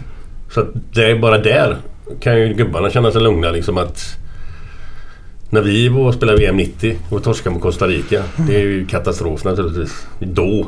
Idag är Costa Rica mycket bättre men då var det ju ingen... Och då hade man en helt annan press på sig för då ju fan den matchen ska du bara vinna liksom. Det är inget snack om det. Men idag finns det inte ett det dåligt finns lag. inga skitlag längre. Nej. Så att, eh, men de har ju ingen... De har inte den här riktiga pressen på sig. Det, det finns ju inga dåliga grupper i VM naturligtvis men den ser ju hyfsat bra ut måste jag säga. Tyskland är ju klar favorit naturligtvis men Ja, Tyskland vinner. sen vet inte jag hur de andra lagen är just idag. Sydkorea och Mexiko. Ja, men det, det Men finns inga det, dåliga. Det, är inga, finns inga skitlag längre. Nej. Men det är väl bra, för jag har ju den filosofin att Sverige presterar alltid bäst när vi spelar under minst press. Vi helt har enkelt. ingen press på oss. Nej, det är det som är så skönt. nej, nej. Men det är synd att vi får Tyskland i, i andra matchen. Ja, det skulle Skulle vara... haft en tredje istället. Ja. ja, ja. Det kan förstöra våra goda planer. Alltså när man sitter där ja. och... Men vi har råd med en förlust mot Tyskland ändå. Ja, Har vi. absolut. Jo, det har vi. Sen tror jag i och för sig det där med Zlatan att... Säg Han- inte för han mycket när det gäller den gubben. alltså, Är det någon som är tillbaka? Nu har han visat att han var med i första halvlek igår och spelade med United igår. Gjorde inte större väsen av sig men han hade ett par lägen som lite, lite flyt så han satt den. Ja. Så att... Nej, det är jag inte hundra säker. Men Ja, vi har ju... spelar förbannat bra fotboll. eh, Organiserat Vem tror du kommer in i truppen? Vem tror du kommer komma in i truppen? Eh? Men istället för honom eller vadå? Nej, men alltså tror du kommer komma in och vilka kommer bytas ut och vilka kommer komma in? Herrejävlar, det är så mycket folk så man har knappt ordning på hälften. Tror du det kommer bli mycket omvandlingar i laget eller? Nej, det tror jag inte. Han kör ju på de här Ja. unga nya... Vilket han ska göra. Ja, ja för fan. Det är ju ett vinnande jag- koncept Jag tror här. inte det blir några sådana här sensationella grejer utan det är... Men ska vi ta det bara med Zlatan så har vi diskuterat det klart Ja. för denna podden. Ja. Eh, framtid. För jag och Glenn vi har ju olika uppfattningar där. Eh, och Zlatans medverkan och inte medverkan Mm. då. Eh, eh, och det har ingenting med hur duktig han är som fotbollsspelare just nu. Utan med Glenn tycker om han kommer tillbaka till samma form ska han vara med. Och jag tycker att han inte ska vara med då. Vad, vad tycker du Kjell? Kommer han tillbaka till samma form definitivt ska han vara med. Nu är ni två mot en just nu. Sen säger jag inte att han ska spela, men han i en trupp. Att han sitter på bänken, det, Det- ger psykologisk övertag mot de andra lagen. Ja, det är en, en annan tanke. Mm, absolut. Jag menar, Frågan är om han tar den grejen själv bara. Ja, men Det Syd. Sydkorea, där han är en av de största eh, idolerna och trycker mest tröjor. Jag menar bara att han sitter på bänken mot Sydkorea gör ju att de blir livrädda. Eh, men nu ska jag fråga en annan fråga. Vem kommer bli VMs skyttekung? Vem kommer bli VMs största spelare? Jag tror att är det inte Messis tur nu ändå? Ja, jag håller med dig när det gäller det att han har inte, han har inte gjort som Maradona eller Nej, det har han inte gjort. Därför håller jag Maradona som världens bästa genom alla tider. Messi Absolut, det kommer håller jag med där kanske. Men... Ja, men alltså nej. Man ska prestera i landslag också. Ja, jag, jag vet inte. Jag har, det är svårt att komma på någon speciell spelare just nu. Ja. Vad har vi i Tyskland? Men jag... Men, ja, Kommer tänker- Belgien klara sig i år? Ja, de är ju... Alltså de var ju ganska Stor bra favorit favoriter senast. Ja, men det gick åt helvete. Ja, men de kanske har fått lite mer kött på benen nu kanske. Han den här eh, I, I City. Han går ju... Han, Kevin De Bruyne ja. Ja. ja. han är ruggigt bra. Men det är kanske inte den... han kanske är Premier Leagues bästa spelare nu. Ja. Men nu... Spelar i alla fall jävligt Ja. bra. Mm. Förlåt, vad sa du? Nej, jag, jag tänkte bara med vår förbundskapten där. Eh, hur han än gör där med Zlatan så, så, så kan du egentligen... Jag hoppas media är snälla mot honom, för, eller svenska folket då. För tar han med sig Zlatan och de skulle åka ut i gruppen säger vi. Så får han skit för det. Tar han inte med Zlatan och åker ut i gruppen så kommer han ju få skit för det också. Nej, det tror jag inte han får. För vi har ingen press som sagt var. Jag tror att svenska folket vann VM när vi gick till VM.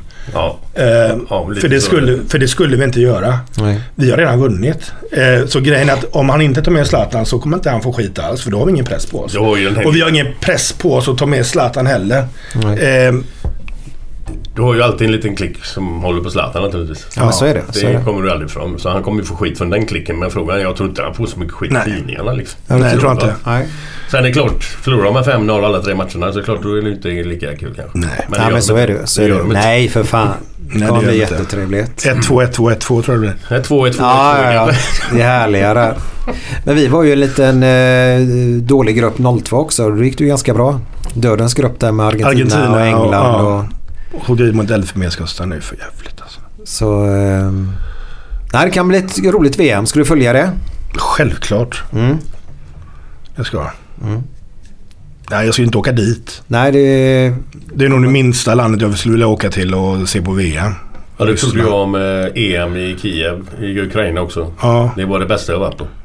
I Kiev. Vi var i Kiev i tre veckor. Mm. härlig jävla. Helt fantastiskt bra. Så att jag eh, har nog lite ändrat Ja, du ska dit va? Ja, vi ska på Tysklandsmatchen men sen vet jag inte om det är något mer. Men Mm. då ska vi dit. Det är ju midsommar. Ja, det är det ja. Ja, just det. Midsommardagen, va? Eller... Ja. Det är ju klassiker man ser på en match då. När det är VM. Ja. Det är ju Sverige-Brasilien, kommer jag ihåg. Var på midsommardagen.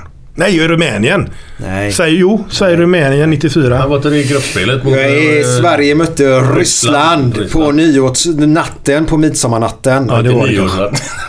Jo, på natten. Ring klocka ring! Ring klocka ring! Ring klocka ring! Midsommarnatten spelade de mot ryssarna om inte jag är helt fel. Dal, Dalin gör väl sitt nickmål där va? Ja, de vann med 3 tror jag. Spring Dalin, spring, sa de. Stort lycka till i framtiden nu Kjell. Ja, precis. Med allt. Med Ja. träning, med dina grönsaker nu då och Ja. framförallt då med din sjukdom. Vi får la kolla om ett år igen då. Ja, får vi Ja. se hur det går. Det går säkert jävligt bra. Ja. Och vi tränar ju här på Improv allihopa. Men vi träffas ju här. Ja, ju, vi fan håller reda på varandra. Jajamän. Ja. Och det kan vi väl säga då. det- Allting är faktiskt lite roligare att göra i grupp. Ja. Så om man ska göra en Det finns vissa saker som förändring. inte är bra. Vissa, vissa gör jag själv. Jo, jo, visserligen. Men fan vad ni ska in på de ämnena hela tiden. Och då jag, jag går och skiter själv till exempel. Ja. Ja, det har jag tänkt också. Ja. Ja, jo, men, men i alla fall. Om man då har svårt att göra en förändring så kan man faktiskt ta med sig en vän och göra förändring. För tillsammans är man ju starkare.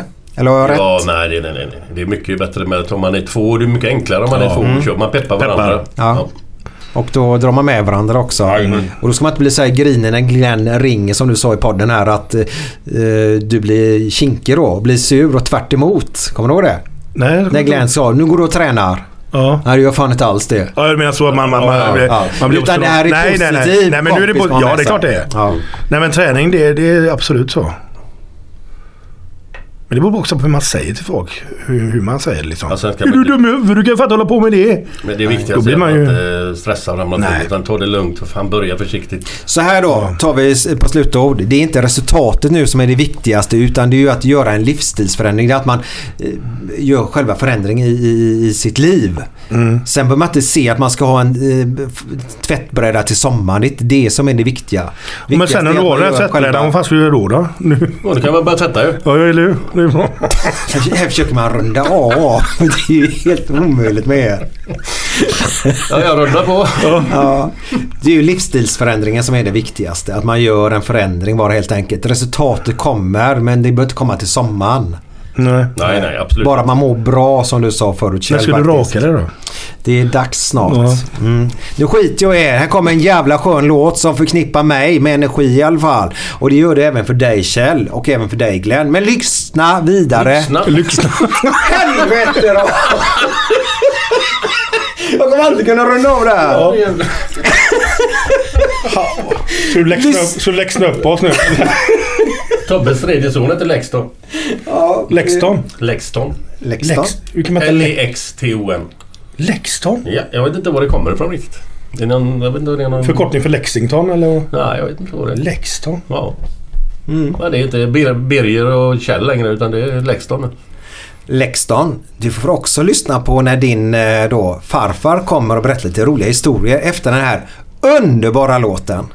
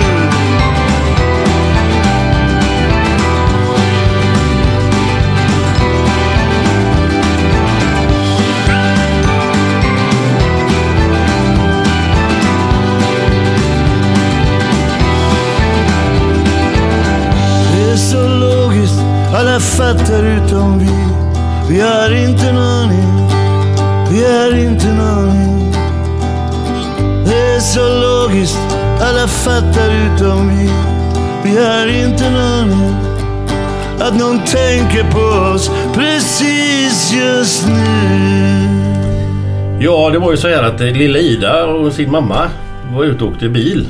Plötsligt flyger en stor dildo rätt in i framrutan. Och lilla Ida säger Vad var det? Mamma säger eh, Det var en jättestor insek- insekt. Lilla Ida. Åh jävlar vilken stor kuk den hade.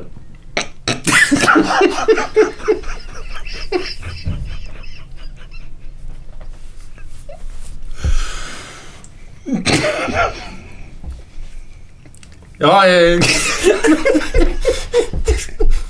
Badvakten till den blinda mannen. Du kan inte stå här och blåsa upp din, eh, din Barbara mitt på stranden, fattar du väl? Barbara, säger den blinde gubben. Fan, då har jag satt på gummibåten hela vintern.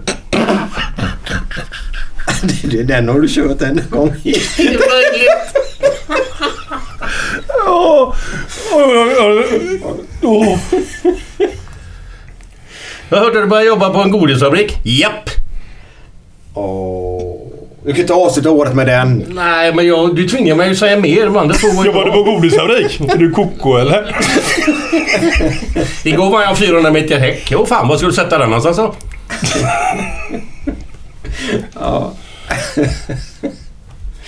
Ja, den. Lille Pelle kom in i, sov... Lille Pelle kom in i sovrummet och så får han se sin mamma stå där helt naken. Mamma, mamma, vad, vad, vad har du där? Nej, du förstår. Mamma fick ett yxhugg där när hon var liten. Nej! Mitt i kussimorran!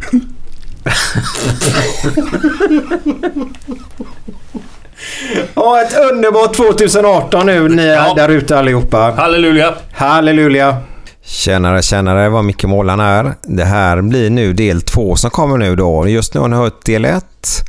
Eh, hoppas det var till eran belåtenhet. Men nu ska ni få höra om mitt gamla spelberoende liv. Eh, Döm mig inte för hårt nu vad ni än gör. Ni, eller ja, ni får gärna döma mig jättehårt om ni vill också. Det är upp till er. Eh, jag har gått vidare i mitt liv och gjort massa olika förändringar och jobbat på det sättet att hålla mig spelfri då. Eh, att då göra en förändring. Jag hoppas verkligen att den här berättelsen kanske kan få vissa människor att göra en förändring och som jag sa innan i podden kan den hjälpa en människa så jag är jättenöjd. Eh, det vi vill ha sagt med det här är att vissa människor faller in i ett beroende, vissa gör det inte. Så enkelt är det. Min stora längtan är att, eller inte längtan är, men jag hade, jag hade en stor kärlek, en jättestor kärlek när jag var eh, i spelandet. Det var lördagar med Stryktipset och detta. Eh, förväntningarna på klockan 16 när matcherna startades. Man kanske gick upp och tränade på Rudalen med utsikten. Eller kanske var nere i Laggon och tränade där nere. Eh, man träffade kompisar, man hade det skönt, man lämnade in tipset och sen så satt matcherna igång. Alltså den situationen längtade jag tillbaka till. Jag tyckte det var härligt. Det roligaste jag tyckte med spelandet var att ta ut matcherna innan då. Det var kärlek för mig faktiskt. Eh, sen klarade inte jag av den biten. Det gick över, ö- överstyr för min del. Eh, och det gör det för vissa människor. Men för er som funkar med att spela, fortsätt med det. Ha det trevligt. Jag är ingen person som säger att ingen ska, alla ska sluta spela, absolut inte. Men för oss som inte klarar av det så måste vi ta tag i det och göra en förändring. Och du som lyssnar på det här avsnittet, kan vi kalla det då, och känner igen dig lite grann i detta. Ta tag i ditt liv och gör denna förändringen för ett spelfritt liv är ett härligt liv. Och du som anhörig som vet om att din spelande partner eller brorsa eller syster eller vad det än är lever ett sånt här liv. Försök göra någonting åt det. Det är inte lätt som anhörig. Men vi ska inte fördjupa oss för mycket i det utan det får ni göra i detta avsnitt istället. Sen spelar jag en låt som jag älskar efter den här låten, eller efter det här avsnittet. Eh, som är ett slags avsked till själva spelandet. Namnen i själva den här eh, del två då är inte alltid korrekta namn utan påhittade namn här och där. Bara så ni vet det. Vi har även ett stort tack till Kjell Wilhelmsen som läser upp storyn då. Så känner ni igen rösten då så är det ju Kjell, våran gäst idag. Eh, helt enkelt. Så ett stort tack till dig Kjell som tog dig tiden att göra detta. Eh, god lyssning nu skulle jag ha sagt. Eh, och Eh, vi säger i det här avsnittet att det står 16-9 halvlek. Det gjorde inte det. Det stod 15-9 halvlek. Men det är bara en petitess i det hela. Men i vilket fall som helst. God lyssning nu. Och så ser vi fram till 2018. Gött mos är det! Jag hade en dröm. Jag sitter ensam i ett stort kontor med tv-apparater på en stor vägg. Skärmarna visar börskurser och odds på olika matcher. Jag talar oavbrutet i telefon och hör inte när någon ringer på dörren så jag har en blinkande lampa kopplad till ringklockan. Jag är ledigt klädd i vit skjorta och svarta hängslen. Jag sitter bakom ett skrivbord och köper och säljer aktier och tänker ut avancerade system att spela på. Jag hade en längtan. En otrolig längtan att komma någonstans i livet. Jag såg på TV hur andra människor hade det. Villa, snygga bilar, pengar. Jag var en drömmare. Om jag ville ha något så skulle ingenting kunna stoppa mig. Jag var en sån som aldrig såg några problem, bara lösningar. Men mitt liv var långt ifrån någon dröm. Jag arbetade som målare. Men kunde inte jobba på grund av en skada i nedre delen av ryggen som kom i 20-årsåldern.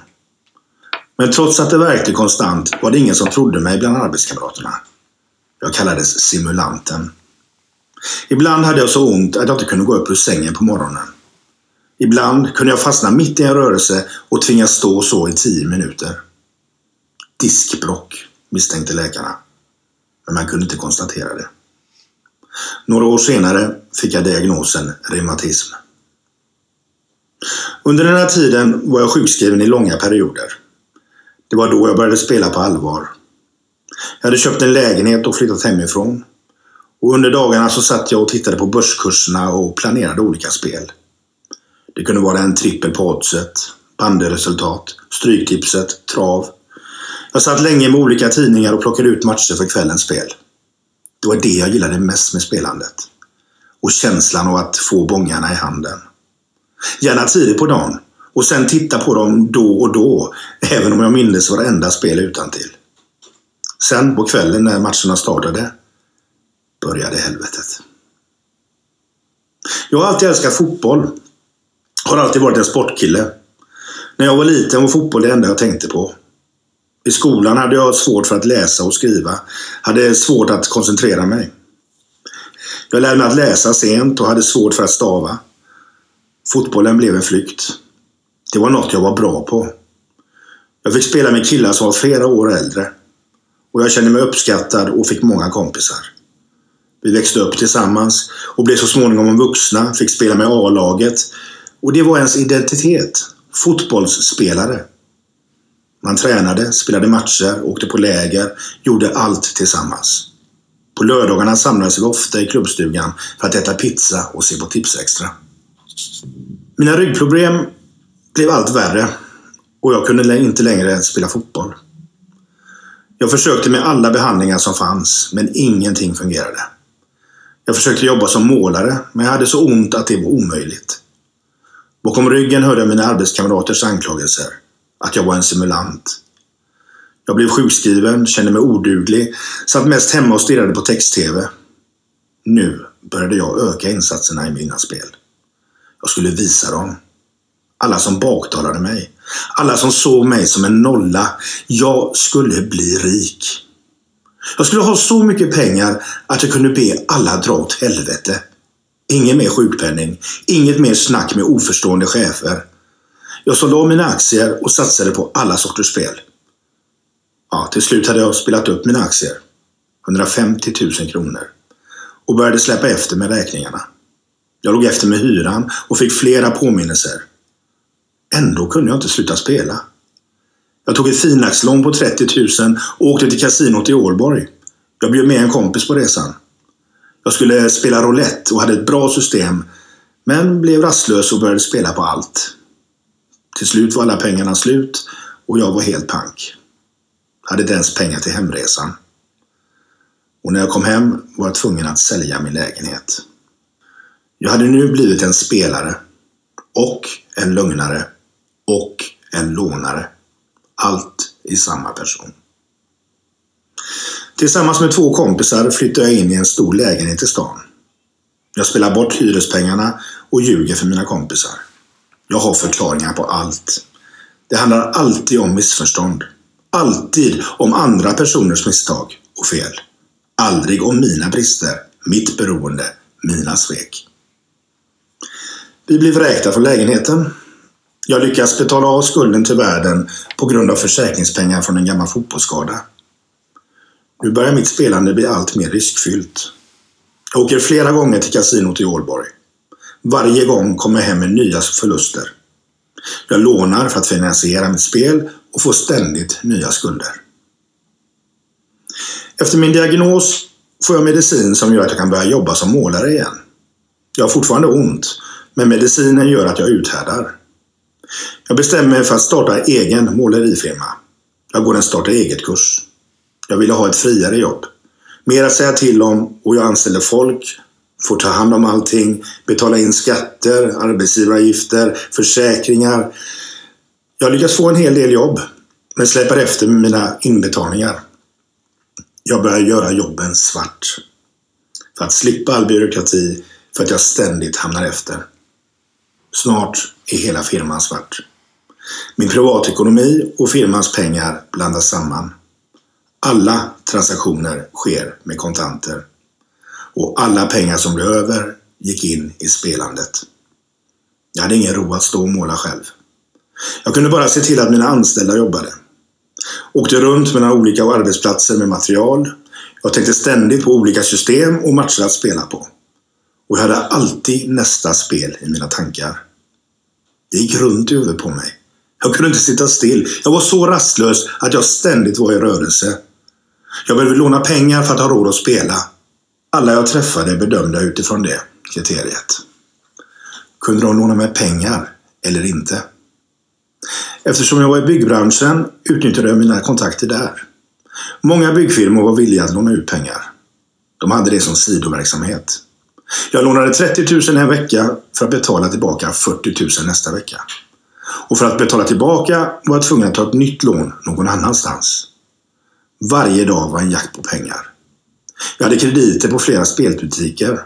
Men jag var tvungen att se till att alla fick tillbaka sina pengar. Jag lånade, spelade, förlorade, lånade, betalade tillbaka och samma sak om och om igen. Ja, ibland vann jag givetvis. Men aldrig så att det täckte upp förlusterna. Jag var tvungen att fortsätta spela för att vinna. Det var det enda jag visste. Det var min enda tanke att vinna. Mitt i den här karusellen fick jag en lysande idé. Jag skulle köpa en spelbutik. Jag övertalade min storebror och min bästa kompis att vara med. Vi hittade en lokal och slog till. Jag gick in med den största andelen, 65 procent. Men eftersom Svenska Spel har hårda kreditkrav på spelbutiksägare och jag inte skulle godkännas på grund av några kronofogdeärenden så var det de som skulle stå för butiken. Jag var övertygad om att mina kontakter med spelare skulle öka butikens omsättning. Det som händer, det är att jag, som är den som står mest i butiken, får fritt fram till spelet. Det finns inga mellanhänder längre. Min storebror bästa kompis, de märkte ingenting. De trodde att allt fungerade bra. Den 20 maj öppnar butiken. Den 12 juli stänger Svenska Spel ner maskinerna. Då har jag en skuld på 627 000 kronor. 627 000 kronor på 54 dagar. När jag var liten så älskade jag att springa. Jag kunde springa flera kilometer i sträck utan att bli trött. Och hela tiden så tänkte jag på olika situationer i fotboll. Hur jag på något sätt blir hjälte. Det är landskamp och halva svenska landslaget blir magsjuka och jag som sitter på läktaren får hoppa in på topp. Jag gör det avgörande målet i 89 minuten med en språngnick. Ja, jag var en drömmare. Jag flydde in i mina tankar och fantasier och jag drömde om att bli något stort. En hjälte. En vinnare. Min mamma jobbade på posten och min pappa var renhållningsarbetare. Vi hade det bra hemma. Inget bråk, ingen skilsmässa, inga ekonomiska problem och jag fick tidigt lära mig att arbeta. Sålde tidningar på helgen. Jag hade mina egna pengar och fick lära mig att hushålla med dem. Mitt eget spelande började med trav. Jag var ute på Åby med några kompisar. Jag var 15-16 år gammal. Vi fick följa med min bästa kompis pappa som var spelare. Jag lärde mig snabbt och imponerade på de vuxna med mina kunskaper. Och fick snart följa med ut till Åby utan mina kompisar. Jag spelade för 200 kronor varje gång. En gång hade jag spelat upp mina pengar innan sista loppet och jag visste att min favorithäst skulle vara med. Happy Winner. Jag gick fram till en av storspelarna, Bagan, och frågade om jag fick låna 1000 kronor. Jag sa att jag skulle spela på Happy Winner som stod i 1,5 gånger pengarna. Bagan tittade på mig granskande, ja nästan respektfullt. Ja, inga problem, säger han. Starten går. Och Happy Winner galopperar direkt. Han ligger 50 meter efter, men kommer ikapp. Så galopperar han igen och blir diskad. Jag får ångest. Fast jag inte vet vad ångest är. Jag har inga pengar till bussen så, så jag får gå hem. Det tar en och en halv timme. Och jag stannade på vägen och skrek om och om igen. Jag hade alltså gått från att spela 200 egna kronor till 1000 lånade på några minuter. Jag blev impulsiv för första gången i spel. Och det tog lång tid innan jag kunde betala tillbaka pengarna. Svenska Spel stänger ner våra spelmaskiner. Jag har en skuld på 627 000 kronor. Och det enda jag tänker på är att jag måste spela tillbaka mina pengar. Till butiken kommer kravbrev från Svenska Spel som jag gömmer. Jag förfalskar en postgiroinbetalning och faxar över till dem för en del av summan. Jag ljuger för min storebror och bästa kompis och säger att Svenska Spel har stängt ner maskinerna på grund av att spelbutikerna i området ligger för nära. Alltså de ligger för tätt. Ja, de tycker det är tråkigt men köper förklaringen. Jag läser i tidningen att ett utländskt spelbolag vill etablera sig i Sverige. De tror att EU kommer att underkänna spelmonopolet och vill få ett försprång gentemot konkurrenterna. Man spelar via deras kontor i London och måste sätta in pengar i förväg, till skillnad från Svenska Spel. Jag har lyckats få spelbolaget att installera en maskin i spelbutiken och övertyga min storebror och bästa kompis att det kommer att löna sig. Snart har jag lyckats få kredit på maskinen trots att det inte ska vara möjligt och är snart uppe i en skuld på 125 000 kronor. När jag inte är i butiken åker jag runt i min målarbil och försöker låna pengar. Det blir svårare och svårare eftersom jag har skulder överallt. Jag får försöka hitta nya sätt, ta nya kontakter. Viktigast är att ha bra relation till andra spelbutiksägare. För att få det måste man röra sig med mycket pengar, ha en tjock plånbok och spela mycket. Men man måste vara försiktig med att visa sina vinster. Då undrar de vart vinstpengarna tar vägen. Men då och då är det bra att skylta med sina bragder för att visa sin skicklighet. När min egen spelbutik var körd i botten var jag tvungen att hitta ett ställe där jag kunde få en rejäl kredit. Det råkade bli en butik nära där jag växte upp. Dit kunde jag ringa in spel och sedan komma förbi och hämta mina bongar. Ägaren hette Niklas. Och även om han inte kände mig så såg han till att jag ganska snabbt kunde öka min kredit. Nu skulle jag kunna spela mig ur mina skulder.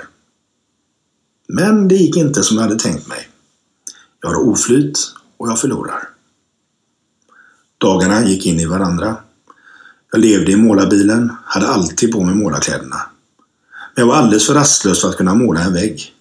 Eftersom telefonen ringde i ett på grund av skulderna så kunde jag alltid skylla på att det hänt något akut på någon annan arbetsplats och åkte iväg.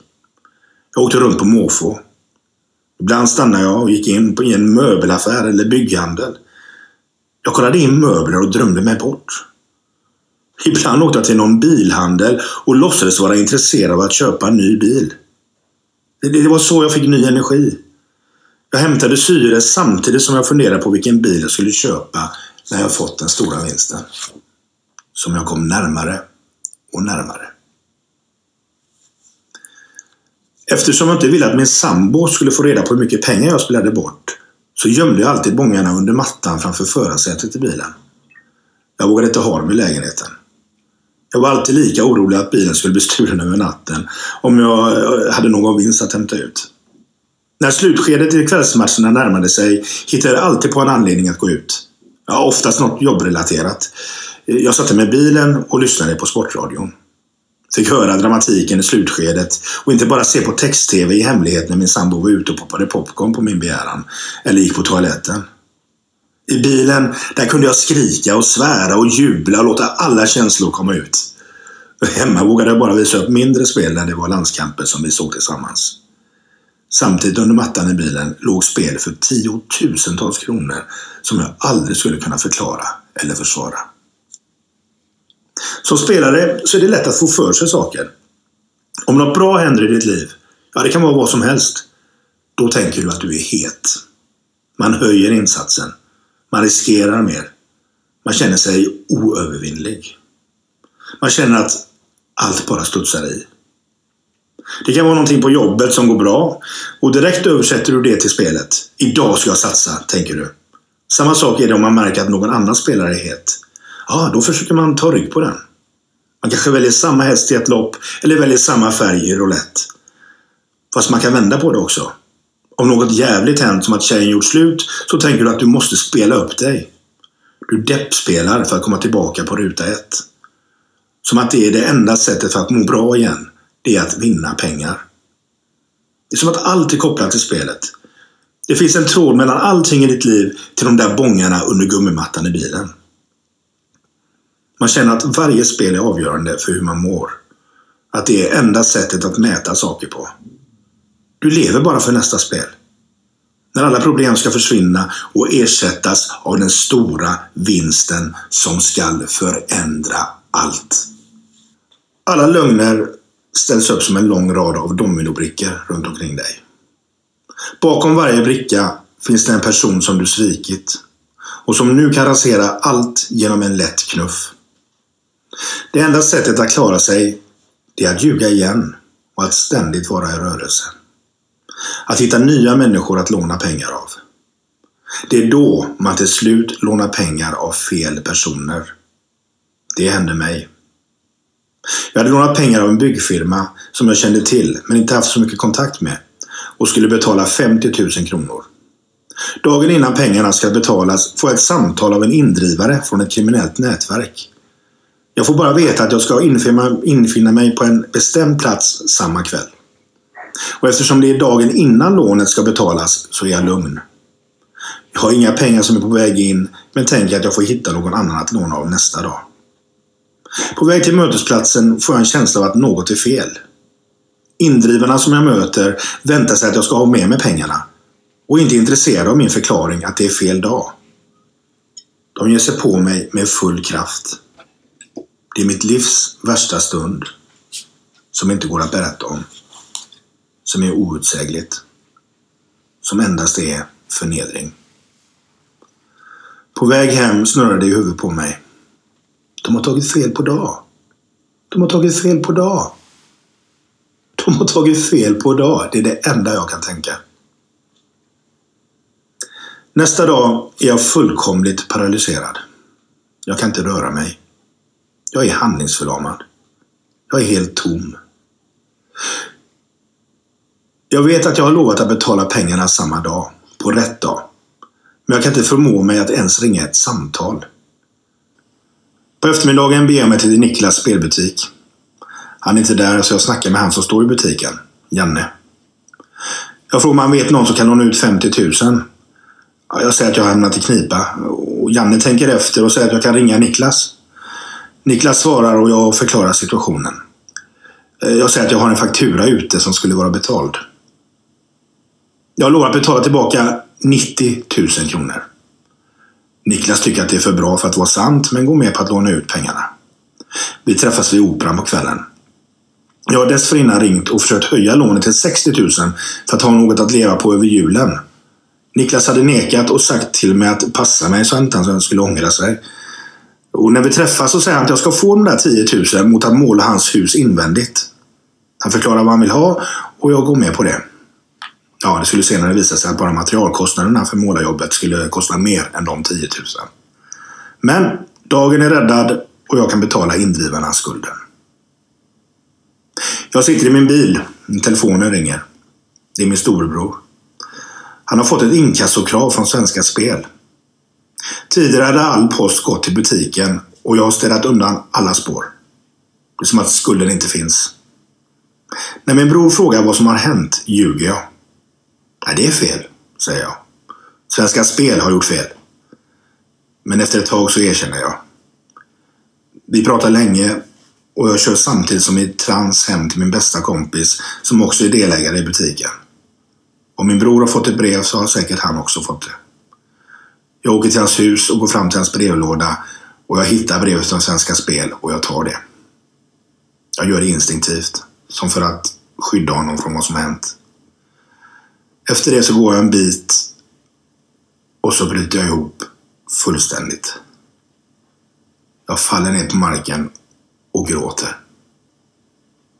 Allt bara flödar inom mig och väller ut. Alla känslor, alla lögner, alla svek. Jag har ingen kraft kvar i kroppen. Jag är helt tömd. På något sätt så lyckas jag ta mig därifrån, men jag vet inte hur. Mina totala skulder uppgår nu till en och en halv miljon kronor. Skillnaden är att jag inte är ensam om att veta om det. Min bror är den som får ta alla smällar. Han möter alla upprörda indrivare och berättar att de ska få sina pengar i tur och ordning.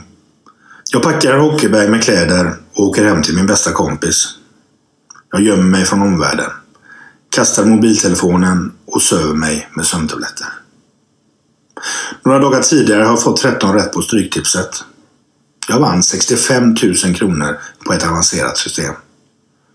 Men det är endast en droppe i ett stort skuldtyngt hav. När jag kvitterar ut vinsten hos Niklas får jag större kredit och spelar bort allt på några dagar. Jag skyller honom 124 000 när jag ligger nedsövd hemma hos min bästa kompis. Niklas hotar min bror med indrivare från kriminella gäng. Pengarna måste fram. Min bror lugnar honom och förklarar att pengarna kommer. Min sambo får reda på vad som har hänt och försöker stötta mig. Jag kommer hem igen.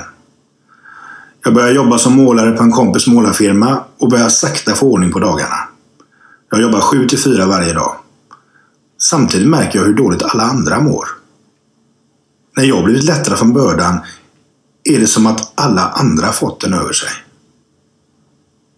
Jag mår plötsligt jättebra. Jag inordnar mig duktigt i vad alla säger. Jag ska leva ett vanligt liv. Jag ska sluta spela. Jag ska bara betala av mina skulder och sköta mig. Men eh, dragningskraften är för stor. Jag kan inte sluta spela. Alla tror att jag har insett allvaret och slutat. Att jag har skärpt mig. Jag har till och med följt med min sambo till spelföreningen för att visa min goda vilja. Men jag har inte slutat. Det enda som får mig att inte skena iväg är avbetalningsplanen. Jag måste komma med kontanter till min bror varje månad. Det finns inga lögner som biter. Inga uppskov att be om. Men jag letar hela tiden utvägar, genvägar, spelvägar. Så håller det på. Jag är på väg in i spiralen igen. Det är EM-final mellan Sverige och Ryssland i handboll. Och jag spelar stort på resultatet. Alla med Ryssland som segrare. Förutom det så har jag en trippel på oddset med Ryssland som vinnare och de två andra matcherna har gått in tidigare. I halvtid står det 16-9 till Ryssland och jag känner att jag har en stor vinst på gång. Bara Ryssland håller ledningen så är det klart. Jag sitter i soffan med min sambo och följer matchen. Jag är spänd, men lyckas dölja det. I andra halvlek börjar Sveriges upphämtning och jag låtsas jubla framför min sambo. I slutet kvitterar Sverige och matchen blir oavgjord och går till förlängning. Jag jublar glatt utåt, men skriker av besvikelse inåt. Förlängningen vinner Sverige och blir Europamästare. Men jag har förlorat alla mina satsade pengar. Och framförallt den stora vinsten som jag var så övertygad om i halvlek. Det är då jag bestämmer mig för att sluta spela. Jag bestämmer mig i samma ögonblick som svenska landslaget i handboll jublar över sin seger och jag förlorat mitt sista spel. Jag bestämmer mig för att det är slut med att ljuga och drömma en omöjlig dröm.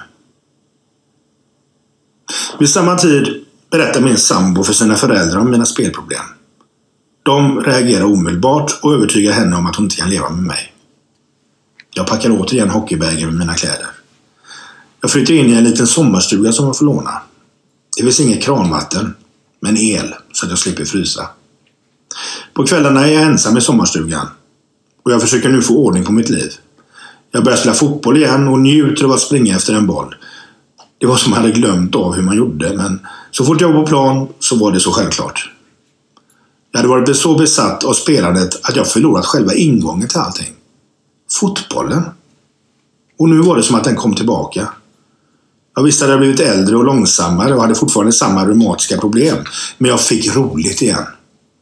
Och dessutom var det skönt att kunna duscha efteråt. Något som var omöjligt i den primitiva sommarstugan. Jag ordnade så småningom en bostad inne i stan via en gammal kompis. Jag jobbar av skulderna i den takt som jag bestämt. Jag lever snålt och håller mig borta från allt slags spel. Och det fungerar. Jag håller mina löften.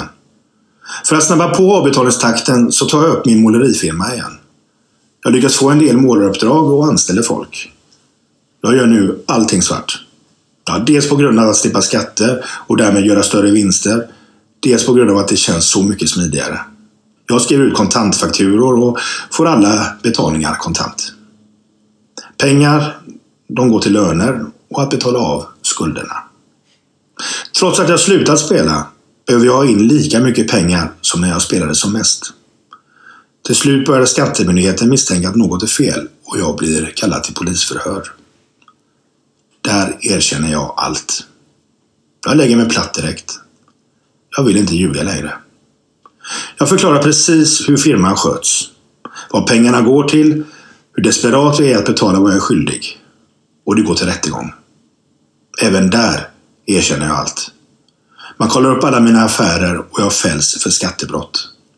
Eftersom man har dokumentation av alla mina inbetalningar och skulden till Svenska Spel kan man se exakt vart pengarna har gått. Därför blir mitt straff endast två månaders fängelse och fem års näringsförbud på min egen begäran. Jag hade en dröm. Jag vet inte var jag fick den ifrån. Jag skulle sitta på ett kontor i vit skjorta och svarta hängslen. Sitta i telefon och sälja och köpa aktier. Gå igenom odds på olika matcher som står på tv-apparater. Skapa avancerade system och vinna stora pengar. Bli oberoende. Kunna hjälpa kompisar och familj om det uppstod ekonomiska problem. Jag ville vara en problemlösare. En fixare som man alltid kunde ringa om man behövde hjälp. Hemma fick jag lära mig att hårt arbete var den enda vägen till framgång. Ändå var den outtalade drömmen alltid att bli rik på spel. Att vinna på Lotto, Stryktipset, V65 eller Bingolotto. Jag var en drömmare. En som drömde om att gå in på ett kasino med förhoppningar och gå därifrån med storvinsten. Jag älskade att spela poker om pengar med mina fotbollskompisar. Att sitta uppe en hel natt och känna samvaron och spänningen på samma gång. Jag minns hur jag älskade spelet. Ruset som jag kunde få uppleva. Alla förväntningar, alla planer, alla drömmar. Jag vet inte vad som hände med dem när jag blev en spelare. Vad som hände när jag satte mitt eget och andras liv på spel. Efter att jag avtjänat mitt straff fortsatte jag att betala av mina skulder. Jag började jobba på min kompis målarfirma och har fortsatt med det. Jag började leva ett vanligt liv. Jag träffade en tjej som jag blev ihop med. Vi flyttade ihop, fick en dotter och livet gick på något sätt vidare. Jag hade stått vid en avgrund och trodde att jag föll handlöst. Men livet fick plötsligt färg. Jag väcktes ur min spelmani och kunde se saker ur en annan synvinkel. Och jag började inse hur jag hade levt mitt liv. Alla år som jag lagt ner på spel, alla bortspelade pengar. Jag tänkte på vad jag kunde haft idag istället. Samtidigt insåg jag vilken slump det var att jag slutade. Jag hade ingen möjlighet att spela längre. Det fanns ingenstans kvar att låna. Jag kunde inte ljuga längre om mina inkommande pengar. Alla mina inkomster var låsta i avbetalningen. På något sätt tog drömmen slut där i soffan när Ryssland och Sverige spelade 24-24 i en EM-final i handboll. Och jag förlorade mitt sista spel. Om jag hade fått in resultatet och vunnit där istället den där kvällen hade jag säkert fortsatt spela. Fortsatt jaga förluster och fortsatt simma runt i ett hav av skulder. Och istället så står jag nu framför er och berättar om vad jag gått igenom. Jag har lyckats ta mig ur den spiral som spelandet kan innebära för en del personer. Jag har lyckats bli spelfri. Så småningom hoppas jag bli skuldfri. Jag har fortfarande saker att jobba med. Att bli mer långsiktig i mitt tänkande. Lära mig att spara för framtiden. Att planera saker i förväg. Jag är fortfarande en drömmare. Men jag lever i verkligheten.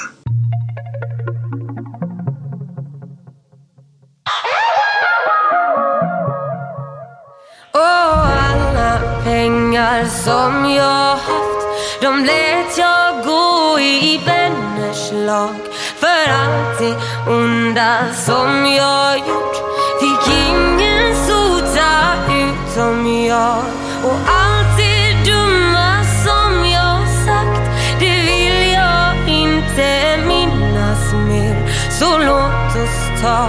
ett avskedsglas. Godnatt, må glädjen lysa er. Och alla vänner som jag haft. De tycker det är synd jag far. Och alla älskare jag kysst. De önskar nog jag stannat kvar. En stund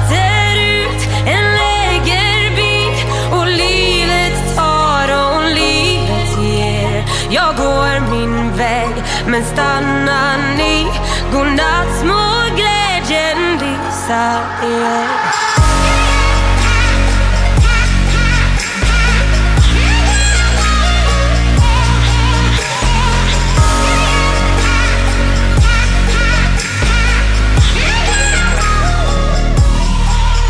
Om jag haft ännu en slant och en till chans att stanna kvar så finns en kille här i stan som jag tänker på typ varje dag. Han har mitt hjärta i förvar men aldrig ser jag honom mer. Men drick med mig ett sista glas Godnatt, må glädjen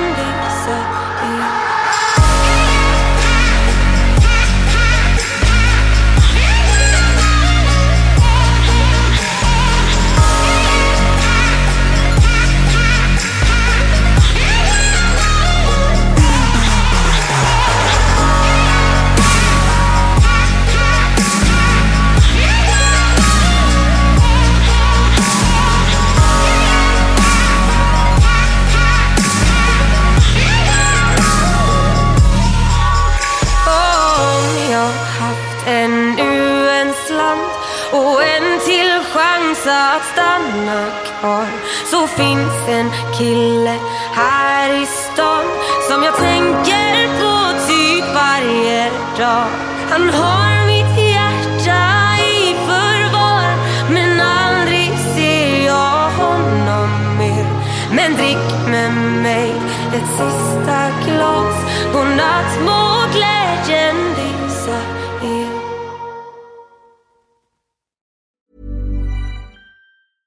Even when we're on a budget, we still deserve nice things. Quince is a place to scoop up stunning high-end goods for 50 to 80% less than similar brands.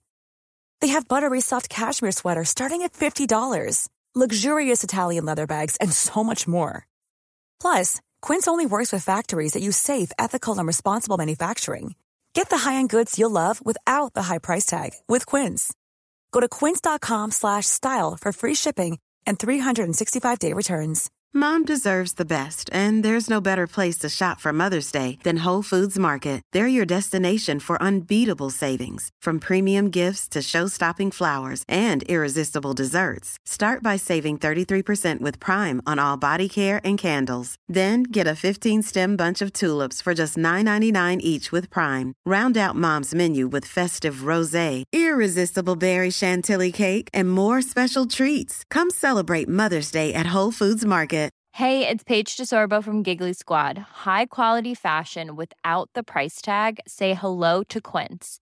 I'm snagging high-end essentials like cozy cashmere sweaters, sleek leather jackets, fine jewelry, and so much more. With Quince being 50 to 80% less than similar brands. And they partner with factories that prioritize safe, ethical, and responsible manufacturing. I love that. Luxury quality within reach. Go to quince.com slash style to get free shipping and 365 day returns on your next order. Quince.com slash style.